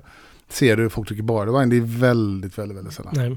Så- det är faktiskt... Sen kan man säga så här att, att, att Men- hålla men- på med en engelsk stil eller Men det- fatlagring, det, handlar ju bara om att utveckla själva, själva stilen egentligen. Ja. Ja, Men det finns ju, sen är det, ju- det är ju en hype-faktor också så här att Ja, man ja. kan liksom jobba med en unikhet på ett annat sätt där liksom. Det är ju Ja. en storytelling och sådär. han Alex Kidd, det är ju som drev Don't Drink Beers. Och han, han blev ju känd för att dels så är, skrev han recensioner som var ganska roliga och han är ju... Och ganska on point egentligen. Verkligen, och han är ju, han är ju komiker. Det är ju hans grundjobb eller på att säga. Nej, han är jurist igen. ja men han är ju komiker också, förlåt. Ja. Jobb, inget jobb. Men han är, Intresse. det, han jobbade ju som komiker innan han blev ölintresserad. Och Så att han driv, sätter ju in humorn i, i det här liksom. Mm. Och, och lyckades göra det på ett roligt sätt. Så Barley han gjorde det på ett skoj sätt också på sin eh, sajt och sådär. Så jag tror att, och liksom vurmen för brittisk Barley tror jag, det handlar ju mer om det här som vi pratade om tidigare, att det är fat. Eh, man lägger brittisk typ av Barley Wine på väldigt unika fat idag. Så att det har blivit en hype kring det egentligen. Sista barley wine-frågan här nu då. För en som inte fattat grejen, var börjar man? Alltså en instegs barley wine. Ja, jag säger ju Old, old, old, Foghorn. Ja, det är nog ganska bra exempel. Ja, Jag skulle säga Bigfoot är bra också för att det ligger så nära... Men det gillar får inte vara för lite. Om man beska, alltså. liksom. Ja. ja, Med humlen där och att man, man fattar... Eller för mig var Barley eller Bigfoot en bra instegsöl till det. Ja. Så jag skulle nog säga... Sen så även eh, bötet. ja, Absolut. Ja. Och, och en bra instegsmoment i Barley det är ju bötet och, och någon ost till. Alltså folk som inte gillar eh, öl eller Nej. sånt kan ju tycka att fatta kombon där. Precis, Men- för den har jag, eh, den har jag gjort med folk som är som är så här, Ja, de provar bara det här var inte alls gott och så äter de till en hård, lite smakrik så här torrost. Bara så här, ja, det här var jättegott. Ja, gått ihop liksom. Mm. Vet du vad vi ska göra nu? Nu Nej. går vi ut och tar en bild. Vi sätter oss lite där ute, Ja. eh, chillar lite och så tar vi lite avslutande frågor och lite sådana här sköna eh, spaningar. Okej? Vi drog ner till Bamberg för att hitta något äkta. Hitta någon mening med det här. Ja, hörrni ni, ni. Då är det så här att eh, Per Karlsson skrev till Ölpölen. Något som vore intressant att höra er diskutera är Hard Seltzer versus mjöd. Har ju läst och hört att Fredrik inte gillar jäst smaksatt sockervatten. Jäst smaksatt sockervatten. Men inte hört åsikter om vad det tycks om jäst smaksatt honungsvatten. Ja, Mm. det var frågan. Jag tolkar lite grann som att ja, men det är jäst socker. Eh, det är även annan typ av alkohol. Då borde det vara fine. Eh, typ så. Jag tänker så här. Jag har ju massa åsikter om detta. Men att det är lite, lite konstig relativisering om det är det han menar. Och lite så här whataboutism. Liksom att det, så kan man resonera om allting. Man kan även säga att vin i sin grundform är tokenkelt. Det är någon som man kan ta en druvor som växer vilt någonstans, trycka ner dem och så kommer det bara jäsa till alkohol. Det är också busenkelt i sin grundform. Rätt mycket alkohol är, grund, är enkelt i sin grundform. Men jag tänker så här, alkohol är inte bara dess vätska. Liksom. Jag menar när vi... Eh, Konst är inte bara liksom färg på en tavla, musik Mm. är inte bara eh, ljudvågor. Det, det finns ju så mycket andra nyanser i som gör att vi är intresserade av det här. Det handlar om här, syfte, varför gör man någonting? Vad är bakgrunden? Vad är liksom kulturen? Vad är historiken? Vad är, Men vad är producent som bryr hantverket? sig om en råvara liksom. Och, och då tänker jag precis, och då tycker jag Hard Seltzer är väldigt tydligt var det kommer ifrån och varför det finns till. Och, jag först, och därför har jag väldigt svårt att förstå varför hantverksbryggerier ska ge sig in i det.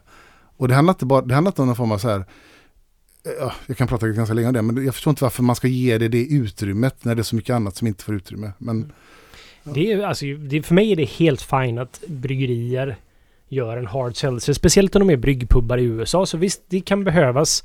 För att du har en pub. Och du behöver liksom någonstans också... Du kanske är den lokala puben i en liten småstad någonstans på vischan i USA. Så du behöver se till att alla som bor i den staden hittar någonting hos dig. Ni kanske inte kan förse med vin eller cider, men ni kan köpa in av andra. Men folk gillar hard seltzer, så det är inget fel med det. Och då gör de en hard seltzer. Men det är ju svårt att hitta hantverket i en hard seltzer, för det är som att det är ju faktiskt oftast så köper man färdig alkohol, blandar med vatten och en essens av något slag. Att Så det-. Och du kan också, men du kan jäsa det. Jag tror Omnipojo har gjort det, att de har jäst då någonting som skapar alkohol som du spär ut med vatten som du sen smaksätter på något sätt. Jag skulle, men Det jag finns skulle, olika former av det. Ja, precis. Och jag, skulle, men jag ser fortfarande inte riktigt så här att man bryr sig så mycket om råvarorna kring det hela som man gör med mjöd, man gör med öl, man gör med vin, man gör med cider. Att man liksom faktiskt tänker på det man stoppar i och hur man Mm. ska använda det här på bästa sätt. Utan det här är som att så här, vi gör det här för att det blir någonting som Ja. bara smakar någonting. Liksom. Men man, man kan väl säga så här att för dig Fredrik så är det inte så intressant. Och, Nej, det, är där, och, det, är hela, och, det, det, och det är där man vill landa egentligen. Alltså, att kan man göra ett mjöd som man, man, som man gör på ett intressant sätt så blir det intressant för dig. Du, alltså, Mm. Hard seltzer är ju inte intressant för dem heller. Det finns ju inget intresse. En hard seltzer-konsument är ju inte intresserad av hard seltzer som dryck. Hävdar jag. Alltså, vad jag menar? ja, ja. det, kommer inte, det kommer inte skapas en hel subkultur av hard seltzer-fantaster. Nej, men som vad jag menar... världen runt och Nej. testar alla Nej, det- världens det är hard det, seltzer. precis, Utan det är precis det jag menar. Alltså att du är inte intresserad av hard seltzer för det är, finns ingenting att upptäcka där. Nej. Men däremot med mjöd så kan det finnas massor att upptäcka. Det är det jag menar. Det finns så, mycket, Alltså, det finns så ja. enorma skillnader mellan Ja. mjöd seltzer om Ja, man ska gå men in bara på... rent objektivt så här komplexitetsmässigt så kan du göra så mycket mer med mjöd än vad du kan göra med hard Sen, finns det så mycket annat i kulturen som, man kan bara, som är intressant kring mjöd som inte finns i hard.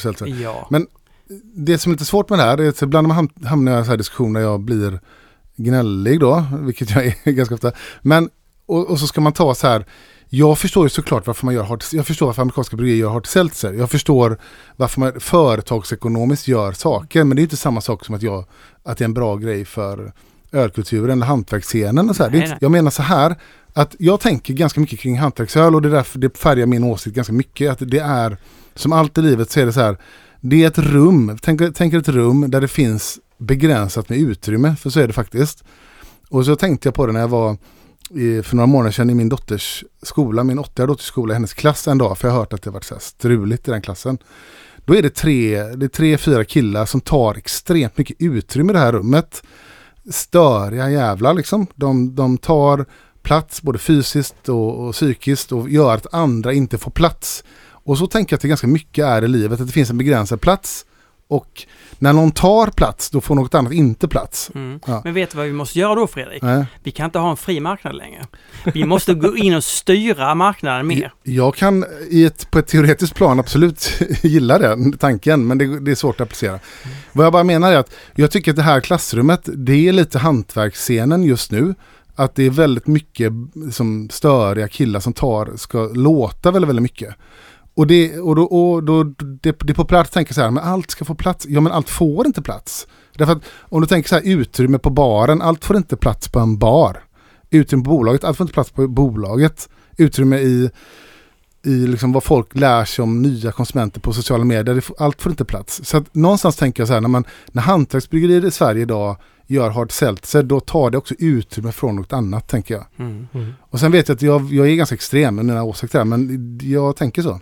Ja, men precis. Men, men, men är det hantverksbryggerierna vi ska gå på egentligen? Nej, men jag undrar bara varför de gör det, för jag, jag tror också lite grann, i värsta fall så skapar hantverksbryggerierna nu, för nu är det flera som börjat med det i Sverige, de skapar en marknad som kanske inte hade kommit annars. Ja, och de kanske faktiskt underminerar sig själva på lång sikt. Mm. Känner jag framförallt att, så här, att vi ska ju värna om någonting. Vår chans i den då fria marknad vi har här är ju att det som så här, om vi gillar det här så ska vi slå för det här. Eller vi ska ju liksom slå ett slag för att Ja. vi gillar hantverksöl. Att börja då jobba med hard seltzer är ju, alltså vi förstör för oss själva på ett sätt liksom. Ja, och, och då tänker jag så här, ja, och då kan man ju någonstans relatera, ja men eh, det är jäst, vatt, jäst sockervatten som så mycket annat. Ja, eh, Kopparbergs cider är också jäst, eh, liksom frukt, eh, sockervatten på något vis. Men är det bra om vi ska bara göra Kopparbergskloner? Eh, kommer ni ihåg Hooch, eh, alkoläsken? Mm. Mm. Ja. Också, den är faktiskt också jäst, den är vin, eh, druvbaserad.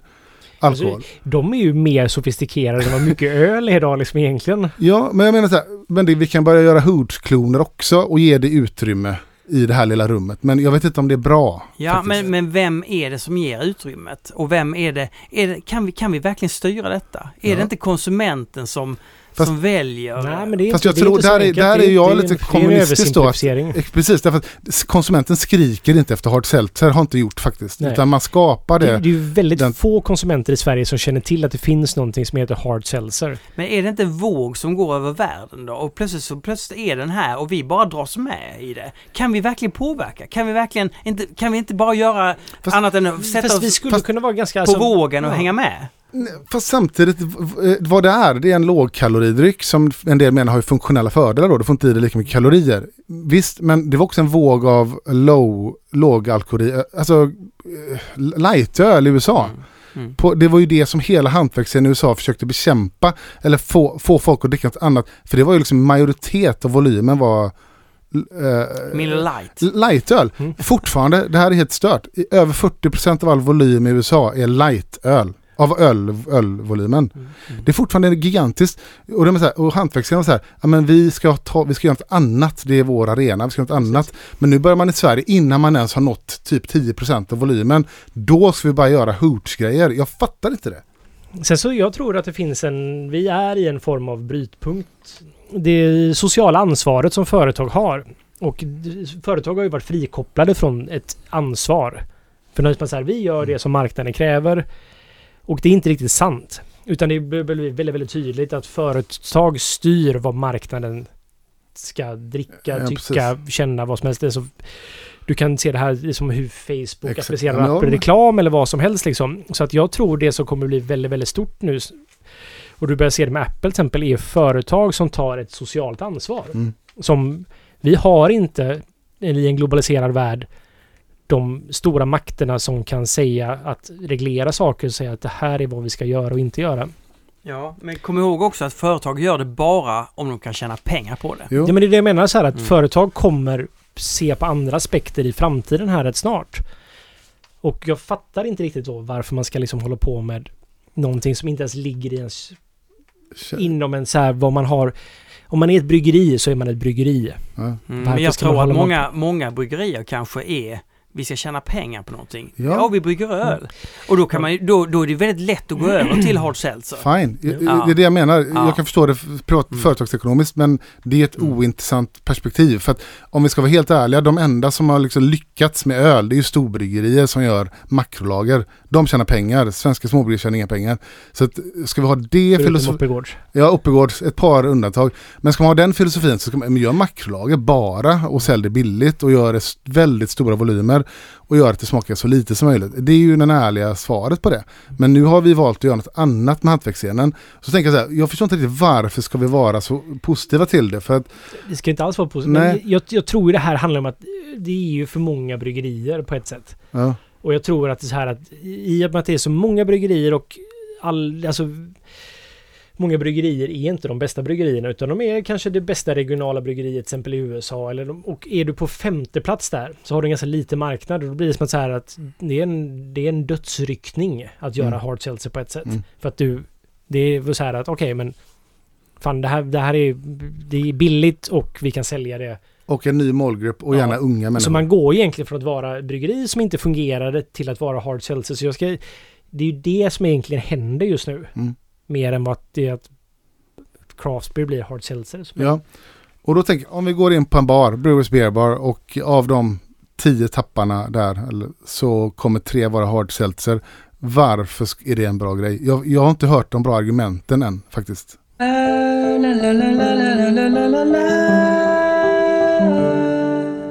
Hur ser ni på ert egna medelklassperspektiv på öl och priset på öl? Eh, Det lyser väl igenom när Fredrik säger att alla har råd att köpa ölen man kan ha, men HG och Berit på Närke säger att inga fattiga människor har råd att köpa öl i Sverige. Att de gör öl för en välbeställd medelklass och välbärgade alkoholister. Alltså, eh, vi, behöver inte, vi behöver inte kommentera det, vad, vad du har sagt. Inte. Hur ser vi på det här med medelklassperspektivet? Nej, men jag, jag tycker ju HG och Berit har rätt där. Jag måste ändå kommentera vad han sa. För att jag, jag var kanske var lite otydlig. Jag menar mer att ehm, alla har råd att köpa valfritt öl. Alltså öl är, om du ska köpa ett öl Mm. så är det mesta överkomligt för dig. Sen så fattar jag verkligen att man inte kan köpa eh, liksom 10-50 kronors burkar i veckan. Det är väldigt få som Mm. kan, ja, skitsamma. Mm. Och jag, nej, men jag förstår det och jag tänker på det ganska, jag har börjat själv att tänka så här, jag som ändå har lagt ner mycket pengar på öl, har börjat tänka på det när jag går på krogen så här att fan vad dyrt det är ibland. Om man bara vill dricka en öl och, inte, och bara sitta och socialisera så tycker jag det är bisarra priser och jag har tänkt någonstans fan det är svårt att rekrytera nya konsumenter med de här prisnivåerna. Så har jag tänkt. Så har jag tänkt väldigt mycket också faktiskt och det har varit för mig lite... Jag skavt en del på mig att det är som att hans öl som eh, Pripps ringde upp och sa att det var, var skönt att ni kan ta Ja, betalt. Nils Oskar. Nils Oskar så Ja. att ja, det är bra att man kan börja ta betalt för hantverksöl på ett rimligt sätt liksom som gör att bryggerierna kan gå runt men samtidigt så finns det en form av jag kan inte säga, inte, inte, inte en girighet, men det känns som att så här, ibland när jag går till ölbarer så är det som att så här, det är bara svindyr öl. Till och med den billigaste stor stark liknande ölen är enormt överprisad. Mm. Och det stör mig för det ska ju finnas en bredd i det här. Öl måste kunna vara dyrt. Ja, Det måste kunna vara billigt. Och jag kan tycka att det finns en form av att man kanske har tänkt lite fel där, framförallt Mm. bland ölbarerna, hur de har... Alltså... Och det är därför vi också gjort Pivot Pills som Ja. en... Vi säljer den till ett väldigt förmånligt pris så att ölbarer ska kunna ta ett Mm. rimligt pris på den ut till konsument.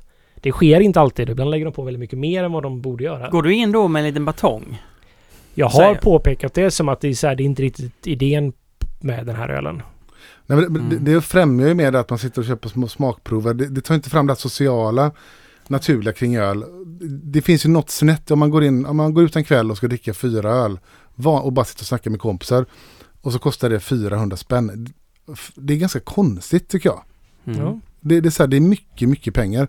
Och med den prisnivån så är det svårt att göra det här särskilt stort. Samtidigt så inser jag, nej bryggerierna går inte bra och krog, många krogar går inte bra. Så att Mm. någonstans är det ju fel ekvationen men det är fortfarande mycket pengar. Liksom. Nej men det är ju någon form av bubbla i det hela. För det är ju en ekvation som inte går ihop riktigt. För det är... Alltså... Ja. Sen så det är svårt att driva krog i Sverige. Det är för dyrt kan jag tycka. Det är för mycket saker som... Eh, det borde vara lättare att driva krog. Och det är hyrorna som är väldigt, väldigt dyra. Som jag tycker är onödigt dyra. Och det är kraven på vad man behöver göra som eh, krog också. Som gör att det blir väldigt, väldigt dyrt att driva krog. Vilket man gärna tar ut på öl. Med påslaget. Ja, det är väl där man tjänar pengarna. Så öl subventionerar de andra bitarna. Så eh, man skulle egentligen ha då alltså en... Man, man skulle ha lite mer så här utskänk av öl, att man hade rättighet att plocka ut öl varje vecka kanske. Som konsument, eh, eller vad menar du? Som medborgare. Ja, Som svensk medborgare så, så säger staten så här, ja men vi, det, det, ni behöver bröd, då får ni det. Mm. Ni, och, ni, och ni behöver öl, då får ni det. som en sån medborgarlön, medborgaröl. Så ni behöver... Ja. Ni får ta ut 5% i fruktad gåse och ni får ta ut 1% i barley wine Ja. och... Det är som, mo, Det skulle vara väldigt bra för... mo, det är som motbok, du får max ta ut en pastry stout i månaden. Så är det så här bock. Den idén är jag helt för ändå. Så här, nej men du har uppnått din kvot här ser vi nu. Du får inte köpa mer. Du får köpa en barley wine i Ja, så fall. exakt. Det Ja, men du har faktiskt köpt mycket. 100 saisons kvar här att plocka ut. Alltså det här med alkoholism. Ja.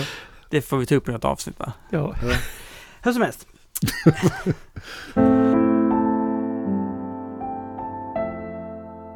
Lost in fungus, det blir sista frågan för idag.